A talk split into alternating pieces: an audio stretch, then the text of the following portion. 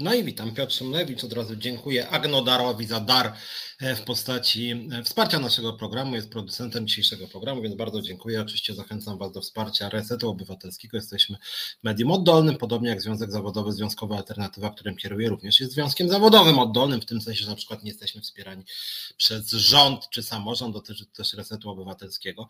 No dzisiaj e, zaraz wpuszczę gościa tutaj do siebie na wizję, natomiast krótki taki plan dzisiejszego programu, programu. W pierwszej części chciałem, żeby Krystian Kosowski, e, lider naszego Związku Zawodowego w SI Polska, powiedział, co tam się w tym SI dzieje. Tydzień temu dużo o SI mówiliśmy, dzisiaj chcieliśmy trochę kontynuować, e, no między innymi powiedzieć o tym, co się tam dzieje, a w drugiej części programu chciałem, słuchajcie, w drugiej godzinie opowiedzieć Wam o pewnym bardzo ciekawym wyroku odnośnie polskich linii lotniczych LOT i odnośnie tego, co się dzieje z CPK-iem, bo też się tam bardzo, bardzo dziwne rzeczy dzieją, więc witam Krystiana Kosowskiego, jest już z nami.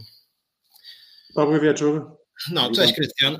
E, część, część osób mimo wszystko nas nie oglądała tydzień temu, nasi widzowie i widzki się zmieniają, e, więc będziemy rozmawiać o tym, co się stało w Wsi Polska. E, pewnie, no mówię, duża część z Was słyszała, część jednak nie słyszała. Ja powiem tylko od siebie, że Wsi Polska, żeby już nie kopiować programu sprzed tygodnia, to jest taka duża firma zajmująca się skrótowo IT, zatrudnia blisko czy około 8 tysięcy osób w Polsce, czyli bardzo dużo. Większościowym udziałowcem Wsi Polska jest Wsi Francja, co jak zobaczycie jest rzeczą e, ważną e, w kontekście naszej dzisiejszej rozmowy. E, no i właśnie, i niedawno, kilka tygodni, właściwie kilkanaście dni temu, założyliśmy tam związek zawodowy. Przewodniczącym został Krystian Kosowski, obecny tutaj, przewodniczący Związku Zawodowego Pracowników SI, który jest częścią Związkowej Alternatywy. No i właśnie, i może przypomnij tak dwoma słowami, co się tam, że tak powiem, zadziała, a później przejdziemy do tego, co się działo w ciągu ostatniego tygodnia. Więc tak, oczywiście w bardzo dużym skrócie wyglądało to tak, że 25 listopada e, wraz z kolegami założyliśmy Związek Zawodowy Pracowników SI, czyli organizację zakładową podległą pod związkową alternatywę. E, tego samego dnia poinformowałem listownie prezesa, natomiast w czwartek e, w kolejnym tygodniu dałem o tym ogłoszenie na wewnętrznym kanale łódzkiego biura, bo jestem pod łódzkim biurem, to był, zaznaczam, kanał przeznaczony do rzeczy niezwiązanych bezpośrednio z pracą, gdzie jest tak naprawdę pełna dowolność wypowiadania się na różne tematy typu ogłoszenia, wymieniania się biletami na koncerty itp. itd. Więc to było jak najbardziej adekwatne miejsce, natomiast e, wywołało to już burzę na, na, na szczeblu samego szefostwa, bo e, dosłownie kilkanaście minut po tym E, dyrektor działu prawnego wysłał o tym informację do, do samego prezesa firmy, pana Greguanito. E, I co ciekawe, ten list zawierał zarówno screen mojego ogłoszenia, jak i, e, jak i skan pisma, którego wysłałem listownie do samego prezesa, więc, co oznacza, że, że po prostu to, to pismo było jakby trzymane w, do tego czasu w tajemnicy niejako przed prezesem. Czy, czy no, taki można wniosek wyciągnąć z tej chronologii. Następnego dnia otrzymałem wcześniej rano y, dość kuriozalny list od samego prezesa już. Y, on został opublikowany w internecie i już, już był szeroko w mediach omawiany. Ten list składał się z kuriozalnego zestawu zarzutów że no mówię takie nie tyle zarzutów, to były po prostu ataki personalne do mnie, że moje zachowanie jest nieakceptowalne i obrzydliwe, e, że działam przeciwko firmie, że próbuję podburzać ludzi, rujnuję reputację firmy i przypominam, że wszystko, że, że jedyne co zrobiłem to było założenie związku i poinformowanie o tym kolegów z Łodzi, więc tak. E, no i była też taka ogólna, ogólna jakaś taka tyrada, nie, nie ograniczona już do mnie, ale do tematu związków zawodowych we, we Francji szczególnie, był atak, na, że powiedział wprost, że związki zawodowe są po prostu problemem we Francji, bo e, gwarantują za zbyt dobrą ochronę pracowników i to się nie podoba szefom takim jak on, dlatego, dlatego wolą do krajów bardziej liberalnych, gdzie e, jechać, gdzie, gdzie ochrona pracowników jest słabsza. E, wprost napisał, że, że woli kraje, w którym można po prostu się pozbyć słabych pracowników, a także wichrzycieli, czy osób sprawiających kłopoty, więc e, i oczywiście w tym samym liście on określił mnie dokładnie tym samym trouble, troublemaker z angielskiego, czyli wichrzyciel, osoba sprawiająca kłopoty, e, więc sugerując jasno, że, że woli kraje, w których się może pozbywać na przykład ludzi za założenie związku. Oczywiście nie wiedział, czy nie przemyślał, że w Polsce również jest to nielegalne. Pozbycie się zarówno z tego powodu, że każde zwolnienie musi być musi być konsultowane ze związkiem zawodowym, jeżeli związek działa, a po drugie e, działacze objęci ochroną związkową nie mogą być zwalniani w trybie innym niż dyscyplinarny. No i e, to trochę już, już powiedziałem na ten temat, więc jeszcze dodam, że, że kilka godzin później otrzymałem e, właśnie zwolnienie dyscyplinarne E, lista zarzutów było kuriozalna w tym zwolnieniu, typu e, naruszanie zasad współżycia społecznego, e, działanie przeciwko pracodawcy, podburzanie, zachęcanie pracowników do negatywnego stosunku do pracodawcy, wprowadzanie kolegów w błąd, utrata zaufania do pracownika. No więc oprócz tego, co już powiedziałem, że to zwolnienie było bezprawne, bo nie było konsultacji ze związkiem zawodowym, to, to druga sprawa jest taka, że nadużyty został tryb zwolnienia dyscyplinarnego, bo, bo ten tryb jest zwolnienia dyscyplinarnego, czyli zwolnienie bez zachowania okresu wypowiedzenia i, e, i ten, ten tryb jest dopuszczalny wyłącznie w naprawdę bardzo wyjątkowych sytuacjach, jak e, e, picie lub, lub zażywanie narkotyków w pracy czy przed pracą, kradzież, popełnianie przez innych czy popełnianie innego przestępstwa przeciwko na przykład kolegom czy firmie, czy, czy, czy także nieusprawiedliwiona nieobecność, a, a na pewno pod, podstawą do E, ze zwolnienia dyscyplinarnego nie, jest, nie może być e, korzystanie z konstytucyjnych praw do tworzenia związków i zrzeszania się w związkach. E, no i dość szybko ta sprawa rozeszła się po mediach i stanowiła, no szczególnie ten list, ten kuriozalny list prezesa, rozszedł się po mediach i stanowił, no i stanowił dość, dość poważny kryzys wizerunkowy dla firmy, więc próbowała, próbowała, firma próbowała jakoś z tego wybrnąć, więc opublikowali kolejne oświadczenie, które pierwotnie zostało wysłane w formie też listu prezesa do całej firmy, tym razem do wszystkich pracowników, ale od razu zostało opublikowane też w formie oświadczenia na ich profilach na Facebooku i LinkedIn w których niby próbowali się wycofać z, tego stanowiska, z tego, stanow, z tego radykalnego stanowiska prezesa w sprawie związków zawodowych. Powiedzieli, że nie mają, tak naprawdę to nie przeszkadzają im związki zawodowe, E, i e, tylko e, fakt, że, że zwolnili mnie nie dlatego, że założyłem związek, tylko dlatego, że działałem przeciwko firmie C. Oczywiście żadnych konkretnych przykładów działań przeciwko firmie C nie podali, więc, ale tylko napisali to jedno zdanie i w, części, i w dalszej części napisali, że związki zawodowe są czasem kierowane przez ekstremistów. Którzy, którzy właśnie szkodzą firmom takim jak C i chyba jeszcze aha, i próbują tam podburzać atmosferę i zniechęcają firmy do inwestycji. E, I, aha, I też co ciekawe, również na swoim prywatnym profilu na Facebooku prezes opublikował e, taką krótką jakby notkę, tam wstawiał jakieś tam zdjęcia z, z, z mistrzostw piłkarskich w Katarze e, i jakąś tam krótką notkę, której napisał, że tak próbował z siebie zrobić ofiarę, że jest ofiarą ataków ze strony lewackich ekstremistów i że, ale też napisał, że on wcale nie jest przeciwny związkom zawodowym, więc dość, dość, dość szybka zmiana poglądów była w, w, listem. Pan prezes akurat Pan prezes akurat tam w tych krajach arabskich powinien się dobrze czuć, bo nie wiem jak w Katarze, bo ja się przyglądałem e, Zjednoczonym Emiratom Arabskim i tam faktycznie związki są nielegalne po prostu, znaczy karalne jest próby zakładania związków więc e, jakby w tamtej długości, szerokości geograficznej pan prezes no, powinien być w ogóle zadowolony, bo, to był bo tutaj narzekał, że we Francji to te związki w ogóle niszczą kreatywność, przedsiębiorczość. W Polsce też mu się taki objawił właśnie i właściwie z jednej strony mówi, że nie chodzi o zakładanie związków, no a z drugiej strony w tym samym piśmie pisze, że są jednak ekstremiści wśród związkowców, niedwuznacznie sugerując, że chodzi generalnie o ciebie i w ogóle o naszą centralę, więc jakby logiki w tym nie ma. Ja tylko jeszcze od siebie dodam, żeby ten, ten wstęp do programu, e, przypomnienie, e, przypomnieć za co też Krystian został zwolniony, bo te haniebne czyny, których się Krystian dopuścił, no bo jakby pan prezes nie znał go jakby od innej strony, żadnych pretensji odnośnie e, warunków pracy nie było wobec Krystiana, żadnych nagan, jakichś tam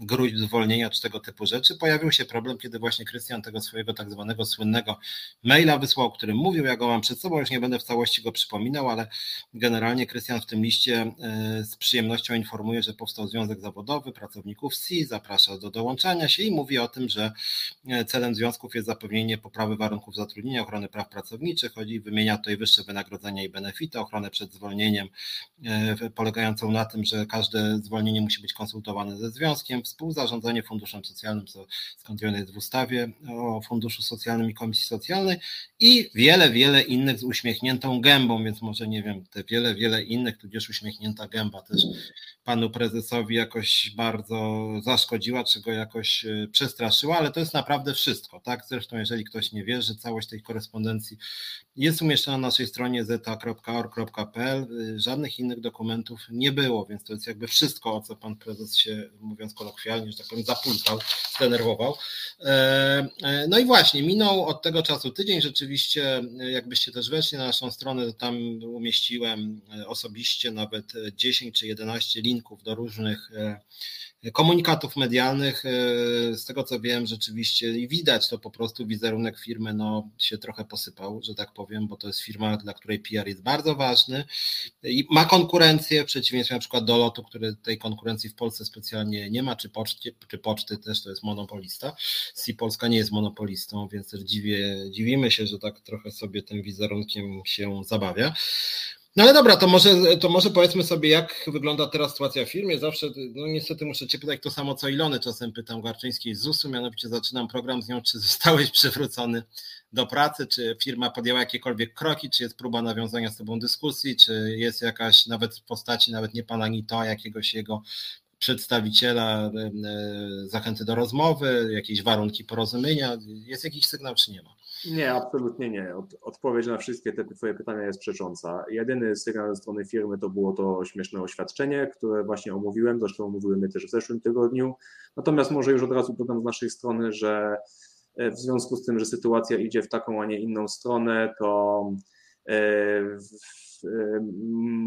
kancelaria adwokacka, która mnie reprezentuje, wysłała e, do, do firmy C, do pana Nito, E, wezwanie przedsądowe do, na razie to jest wyłącznie wezwanie do usunięcia e, tych zniesławiających oświadczeń, bo, bo to oświadczenie było nie tylko na profilach e, firmowych C, ale także na blogu pana Nito i, i do opublikowania przeprosin w tych, w tych samych miejscach. Jeszcze było drugie wezwanie, my go akurat nie publikowaliśmy na stronie związku, ono jest trochę dłuższe i, i takie bardziej specjalistycznym językiem prawniczym pisane, więc jest może to było takie mało medialne byłoby, ale ono dotyczy właśnie przetwarzania moich danych osobowych i zaprzestania, zaprzestania no, niezgodnego z prawem wykorzystywania moich danych osobowych.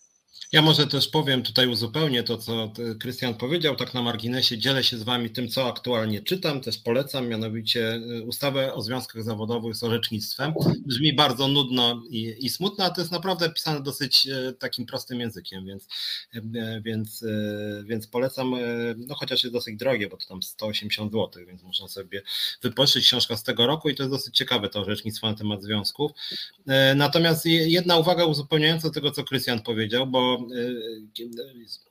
wybuchł pewien spór, znaczy mały spór, bo kilku chyba ludzi, jakichś zwolenników prezesa nam zarzucało, że to ponoć my rzekomo jakieś dane osobowe naruszyliśmy, więc ja od razu może tłumaczę, o co chodzi z tymi danymi, danymi osobowymi, bo w ogóle ustawa o ochronie danych osobowych jest strasznie, się ją moim zdaniem e, wykorzystuje w sposób w zasadzie dowolny. Wykorzystywanie danych osobowych Krystiana polegało na tym i polega na tym, E, że pan prezes ma w swoich papierach e, historię zawodową Krystiana Kosowskiego. Na dodatek jeszcze wykorzystuje ją w ogóle e, niezgodnie z prawdą po prostu. Nie tylko niezgodnie z prawem, ale niezgodnie z prawdą po prostu, więc wykorzystuje dane, które ma jako pracodawca i że tak powiem, wykorzystuje to, żeby budować przekaz oczerniający. Więc można powiedzieć, że ten wniosek o niewykorzystywanie danych osobowych i wniosek o to, żeby zaprzestać naruszania dóbr osobistych, one się w pewnym sensie w przypadku Krystiana dopełniają tak naprawdę naprawdę chodzi, to, to jest można powiedzieć jeden i ten sam. Myśmy wrzucili ten odnośnie, odnośnie właśnie naruszenia dóbr osobistych, bo jest krótszy, bardziej zrozumiały e, i rzeczywiście można powiedzieć głośniejszy, bo przy, przyznajemy oczywiście szczerze, że staramy się tą sprawę jakoś nagłośnić, e, no po to, żeby to też jest presja, żeby mówimy wprost, żeby po prostu pan prezes zrezygnował z tego łamania prawa.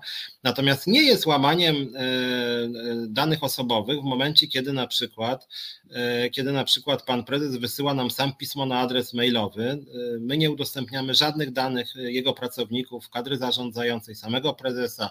My nawet nie piszemy, jakiego, jakiego maila mają ci pracownicy, tylko piszemy to, co sam pan prezes napisał i do kogo napisał. To jest akurat jego pismo, które on przysłał nie tylko do Krystiana, to byłaby korespondencja, nazwijmy to wewnątrzfirmowa, ale on to wysłał na nasz adres związkowej alternatywy, czyli biuro małpaza.org.pl, więc tutaj nie wydaje mi się, aby e, publikowanie nazwiska lewej i prawej ręki pana prezesa, e, którzy to zresztą panowie mają swoje konta na e, LinkedInie i są podpisani, że pracują w Polska, więc moim zdaniem tutaj, tym bardziej, że my nie, nie nadinterpretowujemy, nie oczerniamy, tylko ten list wysłał sam pan prezes, który zresztą jest dumny, bo cały czas, że tak powiem, epatuje i wrzuca kolejne pisma. To też nasz, nasz nas dosyć e, szokuje po prostu, że tak e, to ma miejsce.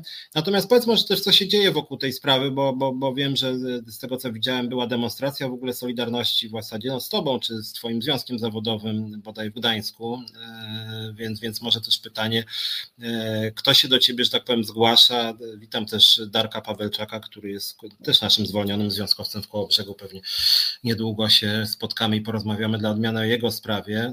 Znaczy mówię o tym dlatego, że to zwolnienie dyscyplinarne liderów niestety jest jakąś taką, staje się jakimś taką smutną praktyką pozbywania się niewygodnych związków zawodowych, co strasznie mnie boli, jest bardzo nielegalne i szkodliwe dla polskiej demokracji. No ale powiedz może, jak, jak wygląda jakoś reakcja, poza tym, że w mediach sporo się pojawiło materiałów, czy jak rozmawiasz z pracownikami, z jakimiś innymi związkami, z jakimiś innymi środowiskami, jak to wygląda?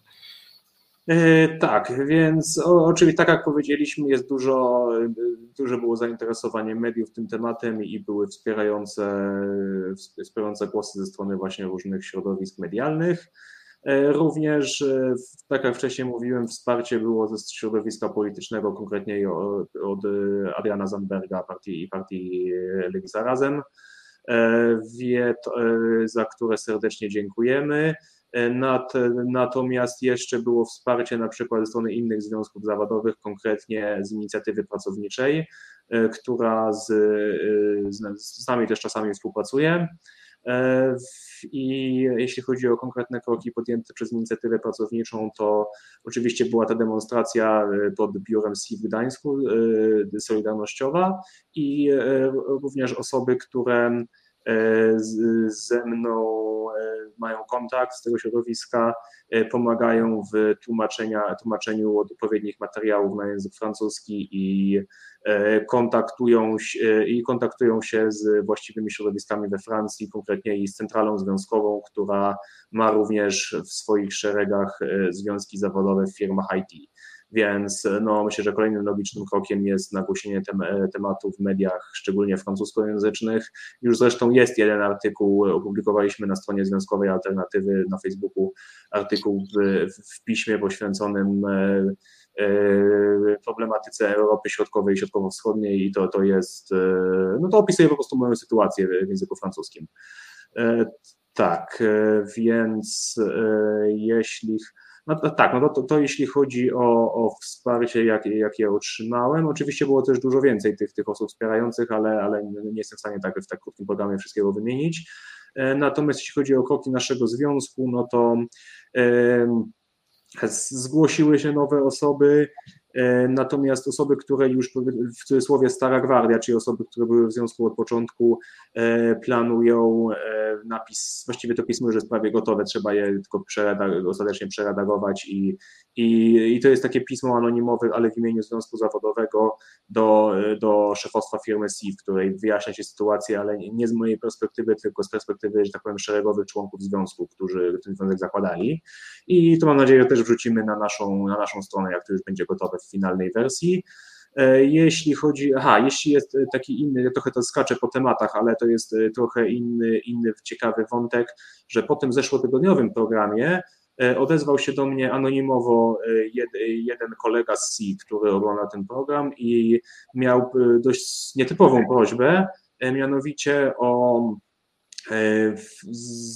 o zgłoszenie do, do inspekcji pracy, że prosimy o przejrzenie i, e, i zweryfikowanie zgłoszeń, które na przestrzeni lat napływały do komisji etyki w firmie. I aha, dla osób, dla osób i, i to właśnie tego maila właśnie wyślę jeszcze dzisiaj lub jutro. Dla osób, które niekoniecznie, niekoniecznie rozumieją temat, to wyjaśniam, że w wielu firmach jest coś takiego jak właśnie komisja etyki. No, w niektórych ona, ona jest bardziej wydmuszką, w innych faktycznie działa. E, natomiast e, w każdym razie no ona jest, jest to instytucja podległa szefostwu firmy, więc E, w przypadku, gdy istnieje związek zawodowy, wtedy związek zawodowy też, też ma wgląd w tą komisję i ma udział w niej, więc e, jest to jak najbardziej jeden z obowiązków związku zawodowego, więc będziemy w tej sprawie z, z pomocą inspekcji pracy działać. I oczywiście pozdrawiam serdecznie kolegę, jeżeli też słucha programu dzisiaj. E, natomiast, aha, jeszcze z innych, z innych kwestii, skierując się poradą właśnie kolegów z inicjatywy pracowniczej, to E, postanowiłem też dalej zadziałać w związku ze zgłoszeniem, e, zgłoszeniem tej sprawy do inspekcji pracy przez posła Zandberga. E, koledzy po prostu podesłali mi przykład, przykład sprawy, która przed sądem poznańskim, sprawy karnej, która przed sądem poznańskim była wytaczona przez inspektor pracy okręgową. E, również, również, doty, również dotyczyły, dotyczyła bardzo podobnej sytuacji, czyli bezprawnego zwolnienia związkowca bez konsultacji ze związkiem i tam e, inspektor pracy e, z Wielkopolskiego Inspektoratu zadziałała w charakterze oskarżyciela publicznego, więc ja e, wniosłem do Głównej Inspektor Pracy, żeby również e, jako oskarżyciel publiczny e, założyła sprawę w sądzie karnym przeciwko prokurent, prokurentowi Ryszardowi Rytko, który Pytko, przepraszam, który, z, z, który podpisał moje no złoży, podpisał moje wypowiedzenie. E, tak, i to jest, aha, natomiast jeśli chodzi o same działania związku, no trzeba też zaznaczyć, że to jest właśnie e, częsta strategia pracodawców, żeby właśnie zwalniać w sposób bezprawny liderów związkowych po to, żeby związek musiał się skupić na osobie lidera i nie, mógł, nie miał czasu, miał ograniczony czas na inne działania. I potem jest to wykorzystywane oczywiście propagandowo przez zwolenników pracodawcy czy przez samego pracodawcę, żeby pokazać, że o, patrzcie, no, związkowcy nic nie robią, tylko zajmują się karierami swoich liderów. Więc e, tym wypad, w tym konkretnym przypadku, no to faktycznie powodowało to dwa tygodnie dwa, e, ponieważ już, już pierwszego dnia po poinformowaniu kolegów plan był taki, żeby, żeby negocjować w sprawie podwyżek, natomiast no oczywiście było to było w czasie z powodu mojego zwolnienia, no ale dwa tygodnie to nie jest aż taka duża obsuwa e, i e, to kolejnym krokiem będzie najpierw polubowne, polubowna próba E, wznowienia rozmów z przełożonym mojego, teraz już byłego zespołu e, na temat e, podwyżek. Będą przedstawione po prostu konkretne stawki minimalne dla konkretnych stanowisk wraz z, wraz z postulatem indeksowania wzrostu pensji, jeśli chodzi o inflację, po prostu, żeby co roku pensja była podnoszona przy uwzględnieniu stopy inflacji. E, więc, e, to na, więc taki krok będzie podjęty. Oczywiście, jeżeli to pismo zostanie zignorowane, no to e, będziemy musieli otworzyć spór zbiorowy. Natomiast drugi temat, którym się zajmie związek, to jest temat już dużo szerszy, ponieważ dotyczy wszystkich pracowników etatowych firmy i będzie po prostu ogólnie, ogólny postulat podwyżki, stałej podwyżki inflacyjnej, wpisanie tego do, po prostu do zasad funkcjonowania firmy, więc no, oczywiście również najpierw będzie pismo polubowne, potem jeżeli y, normalne rozmowy polubowne nie przyniosą skutków, wtedy kolejnym krokiem będzie uruchomienie sporu zbiorowego. Boże nabrać, czy francuska centrala już się wypowiedziała w temacie? No właśnie, my mamy problem, że ta francuska centrala trochę milczy. Myśmy już pisali do niej dwa razy, pisał raz Krystian, raz myśmy pisali. Na razie jest milczenie. Myśmy, przyznam, pisali po angielsku. Właściwie wypadałoby nawet po polsku, ale stwierdziliśmy, że zanim by oni przetłumaczyli, to, e, to minęłoby sporo czasu. Mówię wypadałoby w sensie, dlatego no, że generalnie rzecz biorąc, jakby pracownicy zazwyczaj piszą w języku, że tak powiem, swojego pochodzenia. No, taki jest korporacyjny obyczaj. E, natomiast napisaliśmy po angielsku, dlatego że pan prezes też pisał po angielsku, chociaż jest Francuzem. To w ogóle dziwne, że on myśleliśmy, że albo napisze po polsku, albo po francusku, on pisze po angielsku, co, co no ale jakby to jest taki w sumie drugorzędna sprawa bo jesteśmy w stanie przetłumaczyć na angielski, damy radę na francuski, natomiast rzeczywiście na razie centrala francuska nam nie odpisała, mm, bo tak od siebie też może dodam, że już nie będę Wam zdradzał wszystkiego, co nam wysyła Pan Prezes, ale jakby sposób jego komunikacji z nami jest głęboko, bym powiedział, naganny i taki frywolny, to znaczy to on zachowuje się naprawdę jakby się po prostu jakoś bawił tym wszystkim. Podobno tak samo traktuje kibiców w Polonii Warszawa, ja się w tej sprawie wolałbym nie wypowiadać, bo nie zgłębiałem tematu, no ale mówiło mi kilka osób, nawet mówiłem, że mam kolegę, który bardzo się interesuje e, właśnie piłką nożną, jest na jednym z portali sportowych, no i mówił między innymi, że, a mu wierzę, no bo o tym pisze i procesu przynajmniej ani razu nie miał, że właśnie pan prezes swego czasu podobno, żeby zagrać na nerwach kibicom Polonii Warszawa, jak oni mówią, są za drogie bilety, to on jeszcze podniósł te ceny biletów, chociaż Polonia Warszawa nie jest w ekstraklasie tak zwanej, więc te ceny biletów są ponoć zaporowe, więc on tak samo, niektórzy tak pisali nawet w komentarzach, że tak samo pan prezes pogrywa ze związkiem zawodowym, jak i z Polonią Warszawa, z kibicami przede wszystkim i też część osób się w ogóle zastanawia, po co on ten klub kupił, skoro specjalnie nie lubi jego kibiców, a na całym świecie przyjmuje się, że no, kibice są taką, jakby to powiedzieć, ważną częścią E, ważną częścią klubu sportowego, klubu piłkarskiego, więc no ale to jest taka trochę anegdotyczna część. Natomiast rzeczywiście pisaliśmy do centrali francuskiej, no i czekamy rzeczywiście, bo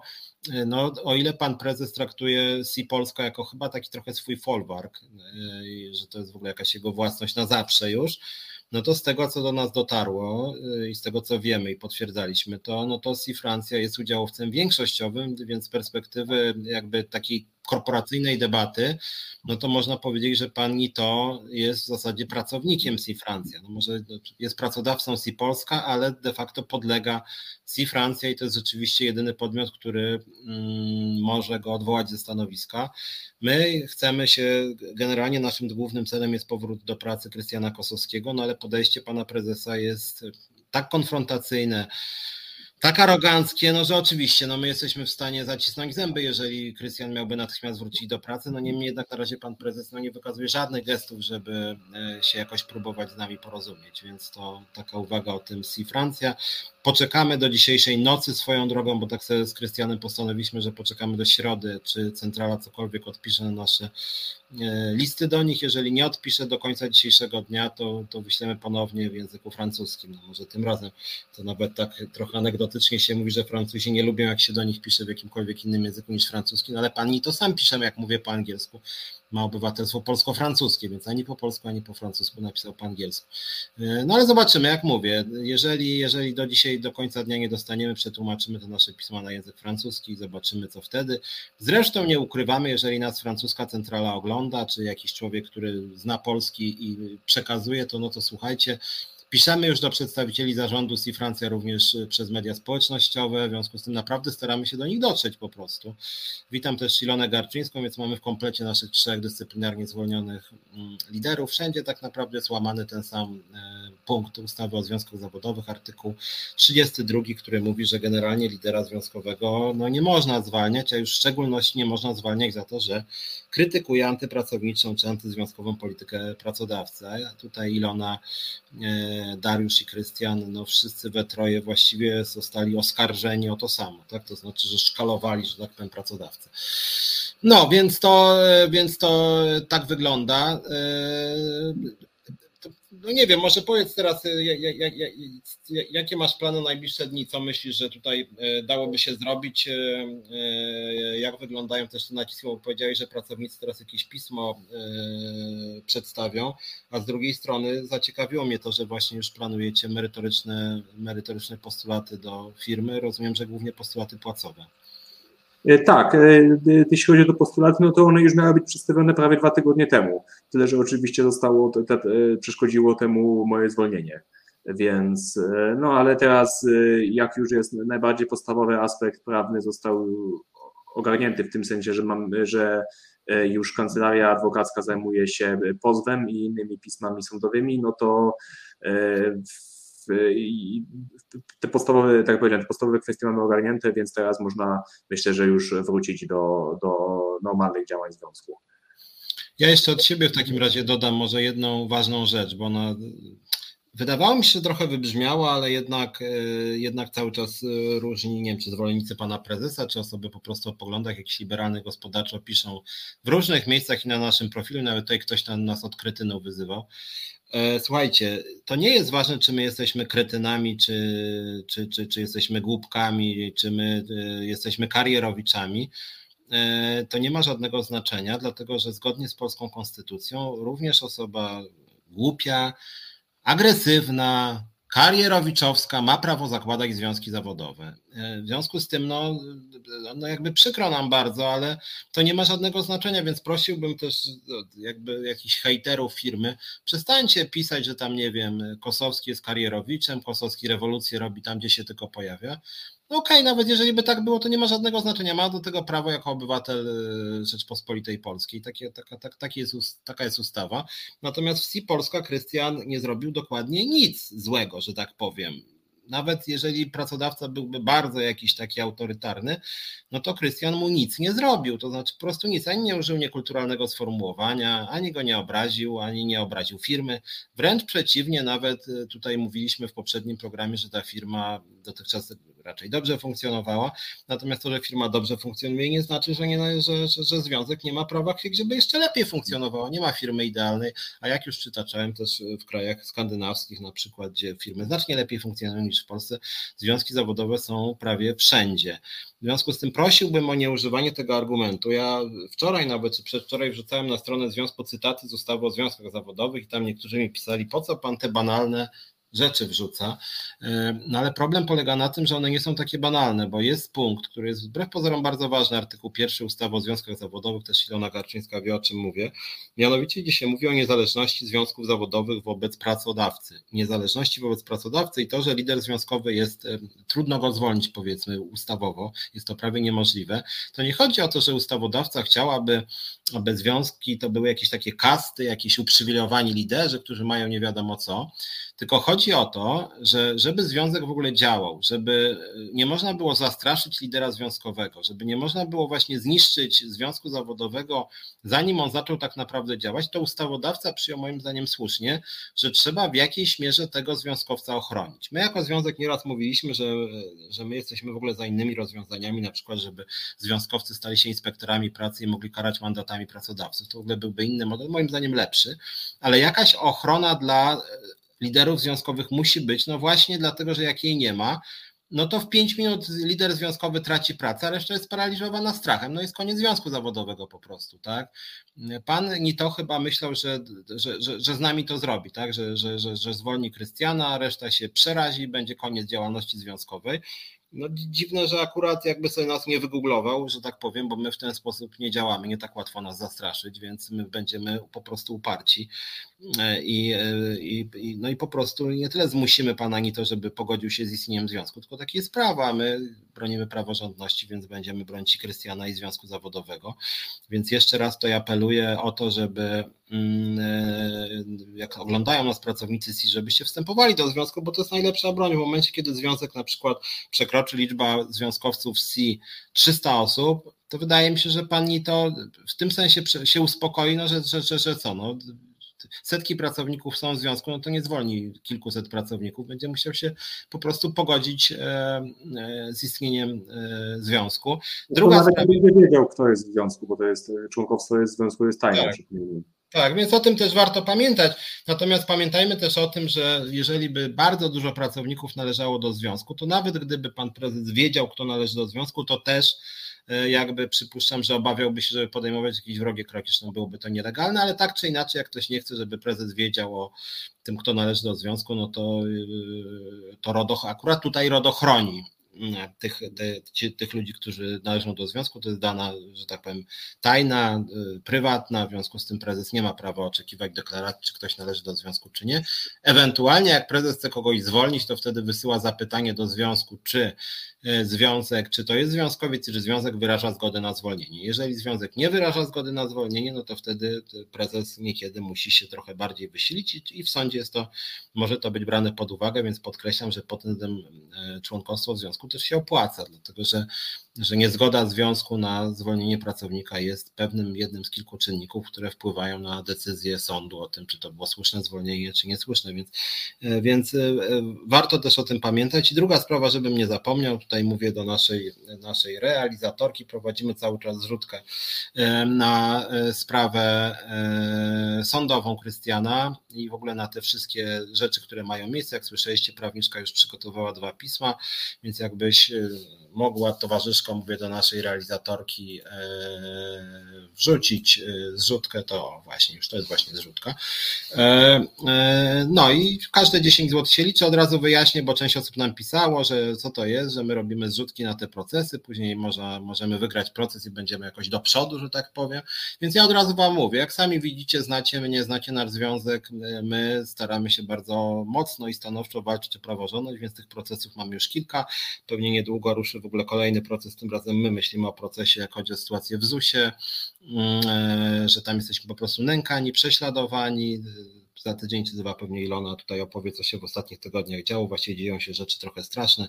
Oni nękają nas, nasyłają prokuraturę na nas, kolejne pisma do prokuratury idą z ZUS-u, jakieś zupełnie absurdalne sprawy. No, jak mówię, opowiem, jak Ilona tutaj będzie, to o tym porozmawiamy. W związku z tym no, są nam potrzebne środki. Jeżeli y, Krystian wygra proces, albo jeżeli zostanie przywrócony do pracy, e, to po prostu te środki, które zbierzemy na zrzutkę, pójdą na przykład na proces w ZUS-ie. Zresztą, jak wielokrotnie mówiłem, ja jestem za jawnością finansów organizacji zaufania publicznego publicznego, więc jak ktoś ma wątpliwości, to my jako Związkowa Alternatywa chętnie pokażemy Wam na co te pieniądze idą. Witamy Pana Kota.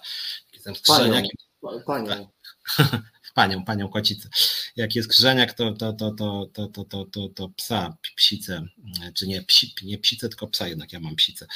E, witamy. No więc to tak, tak gwoli takich, że tak powiem, e, ogólnych e, ogłoszeń.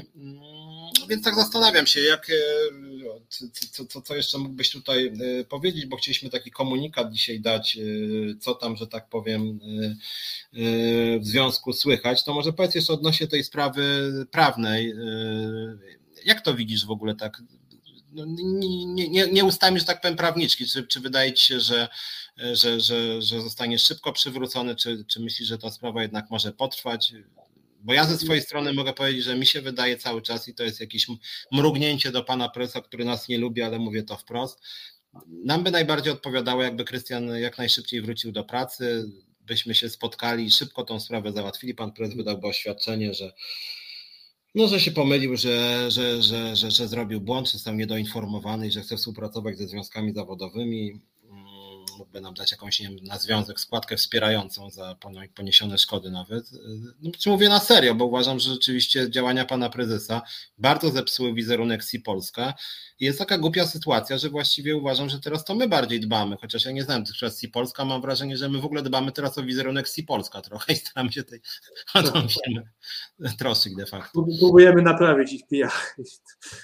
Znaczenie na serio to, to ta sprawa w sądzie no jest, jest praktycznie wygrana, no bo i z prezesem yy, złamało tyle, tyle po prostu przepisów i to w sposób naprawdę ewidentny i, i, i przy okazji wykazując yy, karygodne lekceważenie dla polskiego prawa, że, że no już nie bardzo widzę, jak oni mogliby, mogliby się z tego wybronić, więc że pan mamy ty, tyle argumentów mocnych prawnych, że, że, że wygrana w sądzie jest pewna. Kwestia tylko, czy, czy oni będą otwarci na negocjacje wcześniej, jeśli chodzi o przywrócenie mnie do pracy. Natomiast jest jeszcze oczywiście kwestia naruszenia moich dóbr osobistych przez, zarówno przez firmę, jak i przez, przez prezesa NITO w postaci publikowania zniesławiających informacji. No i na razie jest, e, otrzymali w, w tym piśmie właśnie od, od mojej pani adwokat było, e, był czas podany do jutra do 12 czy tam do 13, żeby, żeby się odnieśli jakoś do tego, a najlepiej to w ogóle usunęli i publikowali przeprosiny, więc, e, no więc czekamy na to, no ale oczywiście jest możliwe, że oni nas lekceważą i będą e, no i będą konfrontacyjnie się zachowywać, więc wtedy nie będziemy mieć innego wyboru, jak, jak po prostu otworzyć osobno sprawę, sprawę cywilną odszkodowanie z tytułu z tytułu no, strat wywołanych zniesławieniem, tak? E, no oczywiście cały czas liczymy, że, że nawet jak nie pan nie to, to, to ktoś z jego doradców z działu prawnego czy z działu PR, no po prostu przemówi mu do rozsądku i że ta sprawa zostanie po prostu polubownie wyjaśniona. Ale oczywiście trzeba się szykować na, na zły scenariusz, czyli na długą batalię sądową. Przed długą jak długą, bo to jest, jest jedna z tych spraw dość oczywista, więc, więc powinna być w miarę szybko wyjaśniona, no ale to parę miesięcy na pewno trzeba będzie poczekać. No ja też, znaczy ja mam takie wrażenie, nie chcę tutaj się wypadać jakoś zbyt y, mocno, żeby jeszcze firma się na mnie nie gniewała za takie sugestie, ale mam takie głębokie poczucie, że pan Nito w ogóle działa jakoś bez żadnego porozumienia z działem prawnym czy działem HR, bo to są takie dziwne bardzo działania. Ja naprawdę znam trochę prawo pracy, czy wydaje mi się, że zupełnie nieźle. E, I nie spotkałem się z czymś takim, że to jest też aż taka amatorszczyzna. To znaczy, to jest jakieś, jakieś pisane na kolanie stanowiska, jakieś listy wysyłane do wszystkich pracowników, jakby e, tak że tak powiem, wygląda trochę jakby pan mi to coś przeczytał i po pół godziny nie, kurde, ja tak nie mogę. I tam machnie i nawet nie pokaże żadnej, nie wiem, tam żonie, kochance, przyja przyjacielowi, komu tam jeszcze, tylko tak po prostu sam wszystko. Ja, ja to czasem mówię, mam na myśli osoby z lewej strony, z prawej, związkowców, pracodawców, to jest taki mój apel do Was, taka lekcja. Jak nawet chcecie zrobić coś mocnego, to warto spytać przynajmniej jednej osoby, co o tym sądzi. To jest taka dobra lekcja i osoby, które robią dużo niemądrych rzeczy, mam wrażenie, że nie mają takiej zaufanej osoby, która powiedziała, dobra, wiesz co, słuchaj, kibicujecie, ale tu poczekaj, przemyśl przynajmniej do jutra. I pani to wygląda jako na taką osobę, która no właśnie najpierw działa, później myśli, czy działa i później nie myśli nawet tylko tak od razu, na kolanie machnie i pisze w ogóle, nawet to, że on wysłał na adres związku w ogóle z nazwiskami swoich doradców jakieś pismo, w ogóle ośmieszył tego swojego prawnika właściwie, jakby wrabiając go w to, że ten prawnik y, skarży się, że powstał związek i trzeba coś z tym zrobić. No to jest taka amatorszczyzna, no przepraszam panie Mito, ale jakby to w moim, to, to jest moim zdaniem psucie wizerunku firmy, że firma aż tak źle działa, no bo w ogóle że w takiej sprawie prezes całej firmy, 8 tysięcy pracowników, otwarcie uderza w związki zawodowe, no to, to ja muszę powiedzieć, że jestem zszokowany i dlatego, dlatego ja jeszcze tydzień temu, teraz trochę waham się, że coś takiego jest jeszcze możliwe, ale wydaje mi się, że ja bym na miejscu tego ni to, to zrobił wręcz konferencję, że kocham związki zawodowe i w ogóle w pełni chcę, żeby miały, nie wiem, tutaj w mojej firmie miały swoje bardzo ważne miejsce, niech mają swoje biuro, niech, niech aktywnie działają, spotykajmy się co tydzień. Ja bardzo przepraszam za swoje zachowanie, bo, bo jakby skutki całej tej akcji wizerunkowej to jest katastrofa. No, a ja jestem akurat tym związkowcem, który nie dąży do zniszczenia firmy, tylko do tego, żeby, żeby walczyć o jak najlepsze warunki pracy, więc tutaj we wszystkich zresztą firmach w ten sposób działam, więc podpowiadamy panu mi to żeby rzeczywiście coś zrobił. Dobra, to wiesz co, zróbmy tak, jak coś się będzie bardzo, bardzo ważnego działo, ja liczę po cichu jednak na to, że za tydzień, może za dwa tygodnie, że się tutaj spotkamy nawet na 15 minut, żeby ogłosić, że wracasz do pracy, ewentualnie tak, na jakich warunkach. I to byłby dobry komunikat. Ja mówię to zupełnie na serio, bo to jest też mój komunikat dla, dla, dla władz i Polska i Francja to byłoby najlepsze zamknięcie i moim zdaniem wszyscy byliby wygrani w ten sposób, bo mhm. firma by uzyskała wizerunek i może nawet na Wikipedii y, by się, już jest notka o dziwnym zwolnieniu dyscyplinarnym w SI Polska, tak to by się pojawiło. Firma zażegnała kryzys wizerunkowy, przywracając związkowca do pracy i nawiązując dialog ze związkiem. Więc mhm. nawet, y, nawet w ten sposób mogłaby trochę naprawić swój, moim zdaniem, mocno nadwątlony wizerunek, no ale Zobaczymy, pewnie ktoś od pana Nito nas ogląda. Dobra, to, to, to powodzenia Ci życzę, Krystian. Widzimy się pewnie za tydzień, dwa albo trzy, w zależności od tego, co się będzie działo. E, ja Was przy okazji wszystkich proszę, też mówię o tej naszych widzach i widzkach resetu, żebyście o tej sprawie pamiętali i też wrzucali na swoje e, profile, czy tam twitterowe, facebookowe. I tą zrzutkę informację w ogóle, że, że, że taka sytuacja ma miejsce, bo może też tak być, że strategia pana prezesa polega na tym, że chodzi o to, żeby przeczekać i zapomnieć. To jest też część pracodawców, że jest szum, no dobra, trochę nam się zepsuł wizerunek, ale poczekamy, ucichnie, to może odbudujemy ten wizerunek tak po cichaczu. Więc my oczywiście jako związek zrobimy wszystko, żeby ta sprawa nie przycichła, póki nie będzie załatwiona, natomiast jak mówię, apeluję Was y, o pomoc, żebyście tą sprawę też dawali nawet jako przykład, no jednak takiego brutalnego bezprawia. E, przy okazji też, y, jeżeli ktokolwiek z Was ma jakieś kontakty, na przykład we Francji, ma jakiś pomysł na to, w jaki sposób, do kogo tam napisać, do kogo się zwrócić, to też oczywiście będziemy wdzięczni za jakąkolwiek y, pomoc. Zresztą kilka osób, na razie nie zdradzam nazwisk, ale zobaczymy, bo kilka osób się nas zgłosiło z wolą e, mm, wsparcia, które twierdzą przynajmniej, że znają firmy, firmę i znają pana Nito. Wszystkie te osoby są po naszej stronie, ale mówię, tu nie chcę zaperzać, bo jak ktoś, kogo nie znam, się zgłasza, no to trudno mi się tym chwalić, bo nie do końca wiem, jaka tu jest siła.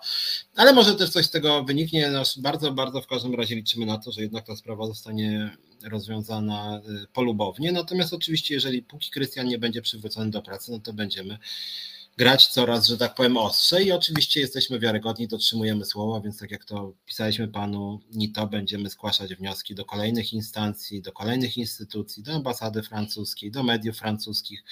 E, o locie zaraz powiem po przerwie, bo jest bardzo ciekawe uzasadnienie e, wyroku sądu, to może w drugiej części o tym powiem, które też być może będzie miało wpływ na Twoją sprawę. Dobra, to zróbmy teraz przerwę. Tobie bardzo dziękuję. Myślę, że za tydzień, dwa porozmawiamy. Liczę, że już będzie ok.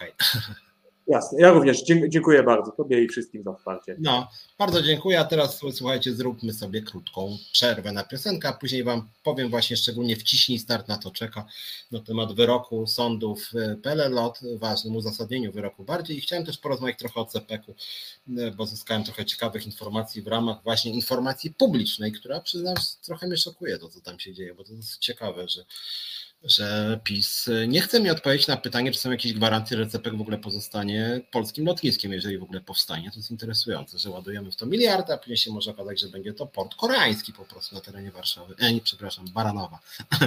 No, ale o tym po przerwie może teraz zróbmy krótką przerwę i za chwilę wracamy. Marcin Celiński i Radosław Gruca zapraszają na wyjątkowy i jedyny w polskich mediach program o procesie wyprowadzania Polski z Unii. To nie zaczęło się dziś i nie skończy jutro. To działania trwające od lat. Obnażymy twórców i apologetów polexitu. Pokażemy kalendarium tego projektu, skonfrontujemy propagandę z faktami. Bez wyjścia. Co czwartek od 19 w resecie obywatelskim. No i wracamy, witajcie.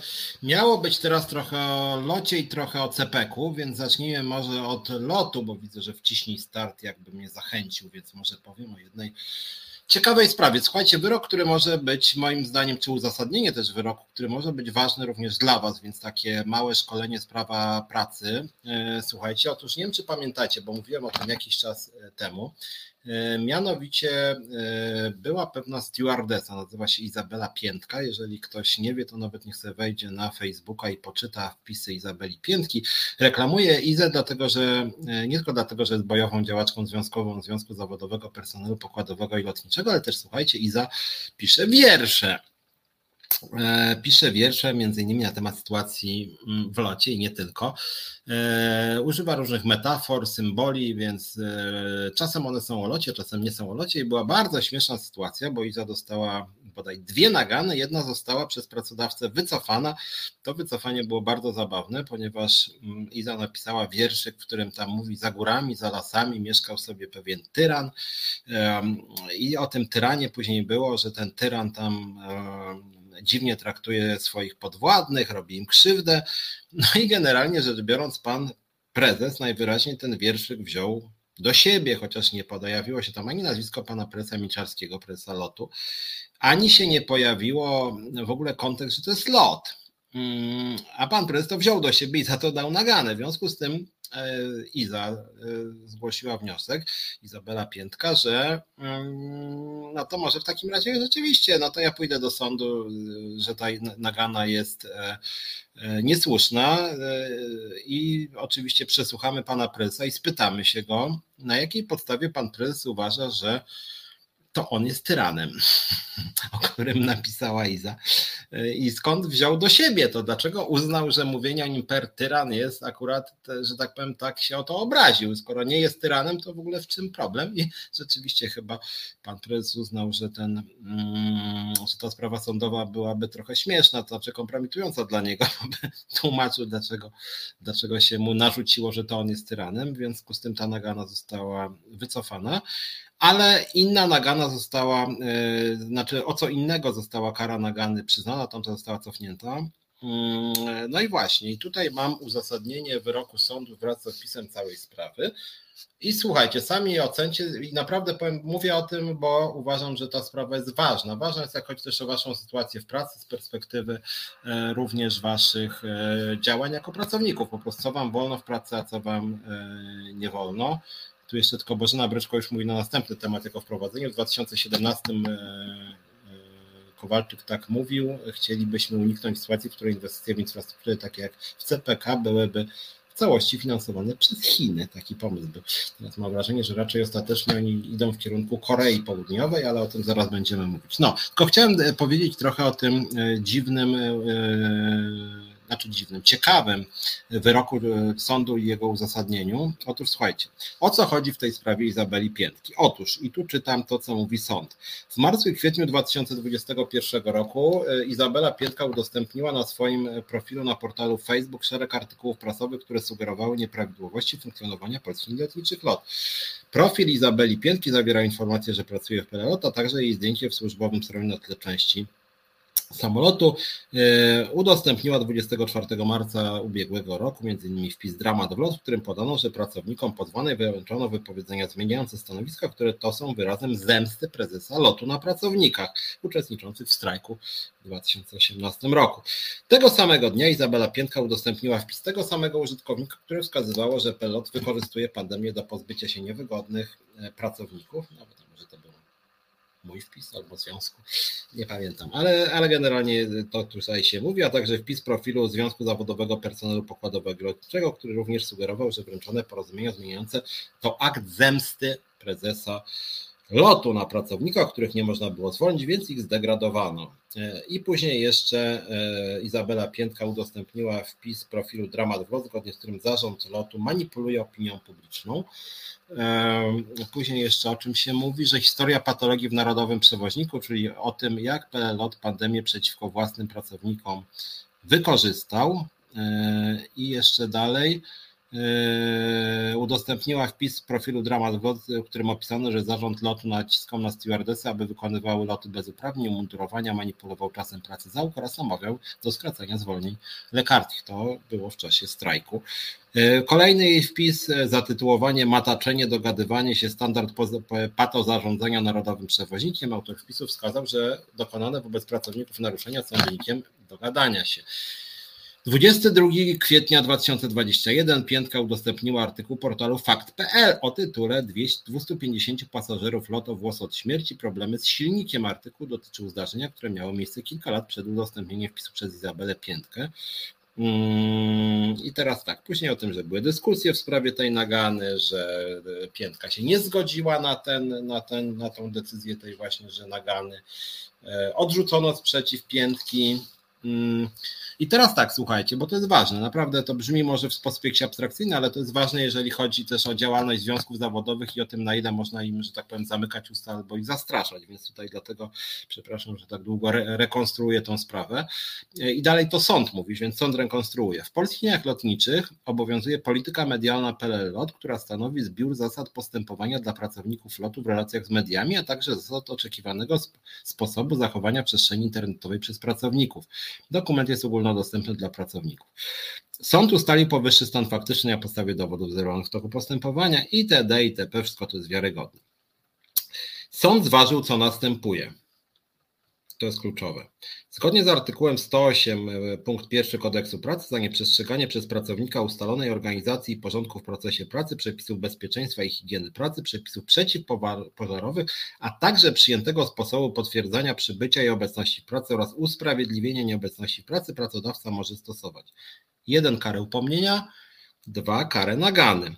Odnosząc przepis, powyższy przepis do stanu faktycznego ustalonego w sprawie, wskazać należy, że pracodawca nałożył karę porządkową nagany wobec powódki w związku z zamieszczeniem przez nią na swoim profilu społecznościowym negatywnych informacji na jego temat, co stanowiło w ocenie strony pozwanej naruszenie obowiązującej w zakładzie pracy polityki medialnej.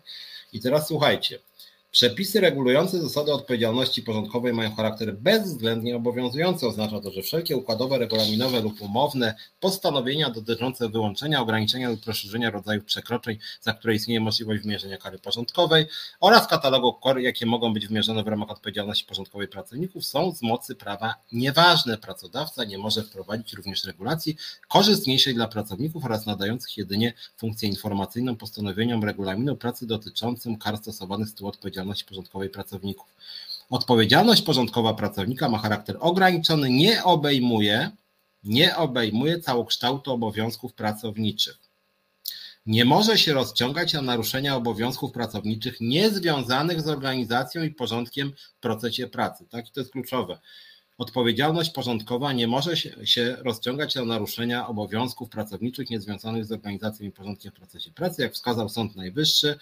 E, tylko niewykonanie przez pracownika polecenia służbowego dotyczącego pracy może być zakwalifikowane jako naruszenie ustalonego porządku i dyscypliny pracy, regulaminu pracy, o którym mowa w kodeksie pracy i które według tego przepisu stanowi podstawę do wymierzenia pracownikowi kary regulaminowej.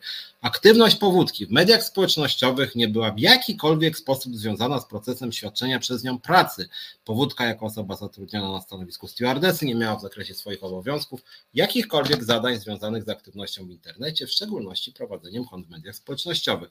Naruszenie przez powódkę zasad polityki medialnej może być postrzegane wyłącznie jako naruszenie obowiązków pracowniczych niezwiązanych z procesem pracy, które nie jest objęte odpowiedzialnością porządkową. W związku z powyższym nałożoną na powódkę karę porządkową należało uchylić. Dla części z Was ten mój wywód być może był trochę męczący czy nudny, ale sprawa jest tak naprawdę poważna. Jeżeli ktoś z Was nie zrozumiał tego, co czytałem, czy czytałem zbyt szybko, to słuchajcie, sąd powiedział krótko, że za wypowiedzi w internecie, za krytykę pracodawcy pod kątem przestrzegania czy nieprzestrzegania praw pracowniczych, nie wolno ukarać pracownika karą nagany.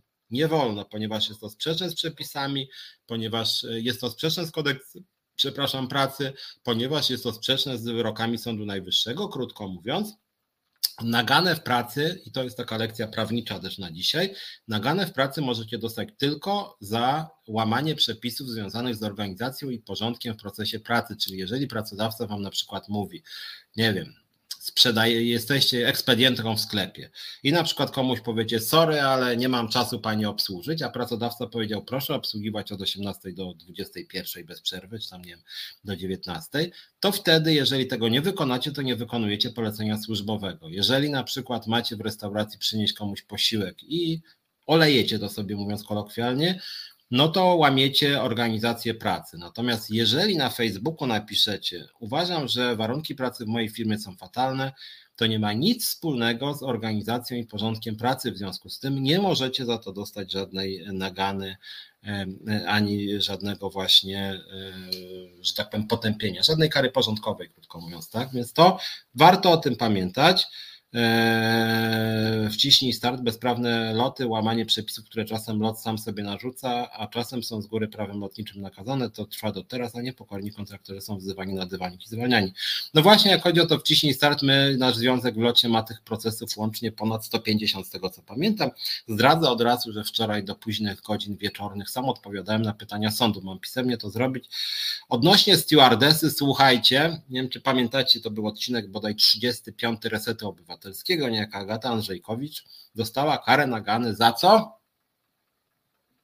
Za udział w resecie obywatelskim w programie Piotra Szumlewicza Czas na związki, w związku z tym jesteśmy, że tak powiem, wpływowi, mianowicie władze lotu nas oglądają i co więcej, każą naganami. Tutaj odnośnie drugiego wpisu wciśnij start, że pracownik pisze o pracy w mediach społecznościowych w czasie pracy. No rzeczywiście, jeżeli ma konkretne zadania e, w danym czasie, to nie powinien wtedy pisać w mediach społecznościowych, natomiast program akurat e, Agata Andrzejkowicz nie była wtedy w pracy, tylko po prostu pracodawca postanowił wejść mm, na stronę Resetu Obywatelskiego i obejrzeć nas czy to na Facebooku, czy to na YouTubie.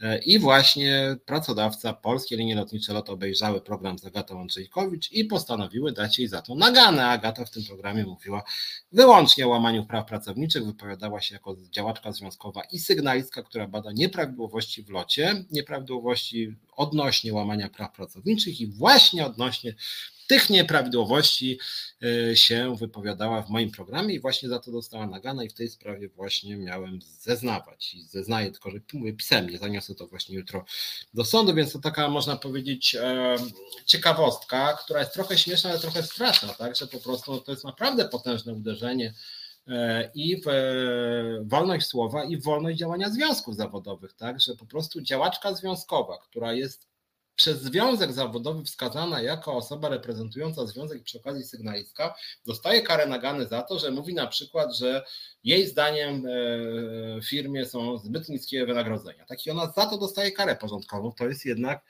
no hardcore, to jest spółce Skarbu Państwa, narodowy przewoźnik, tak? I takie rzeczy się dzieją.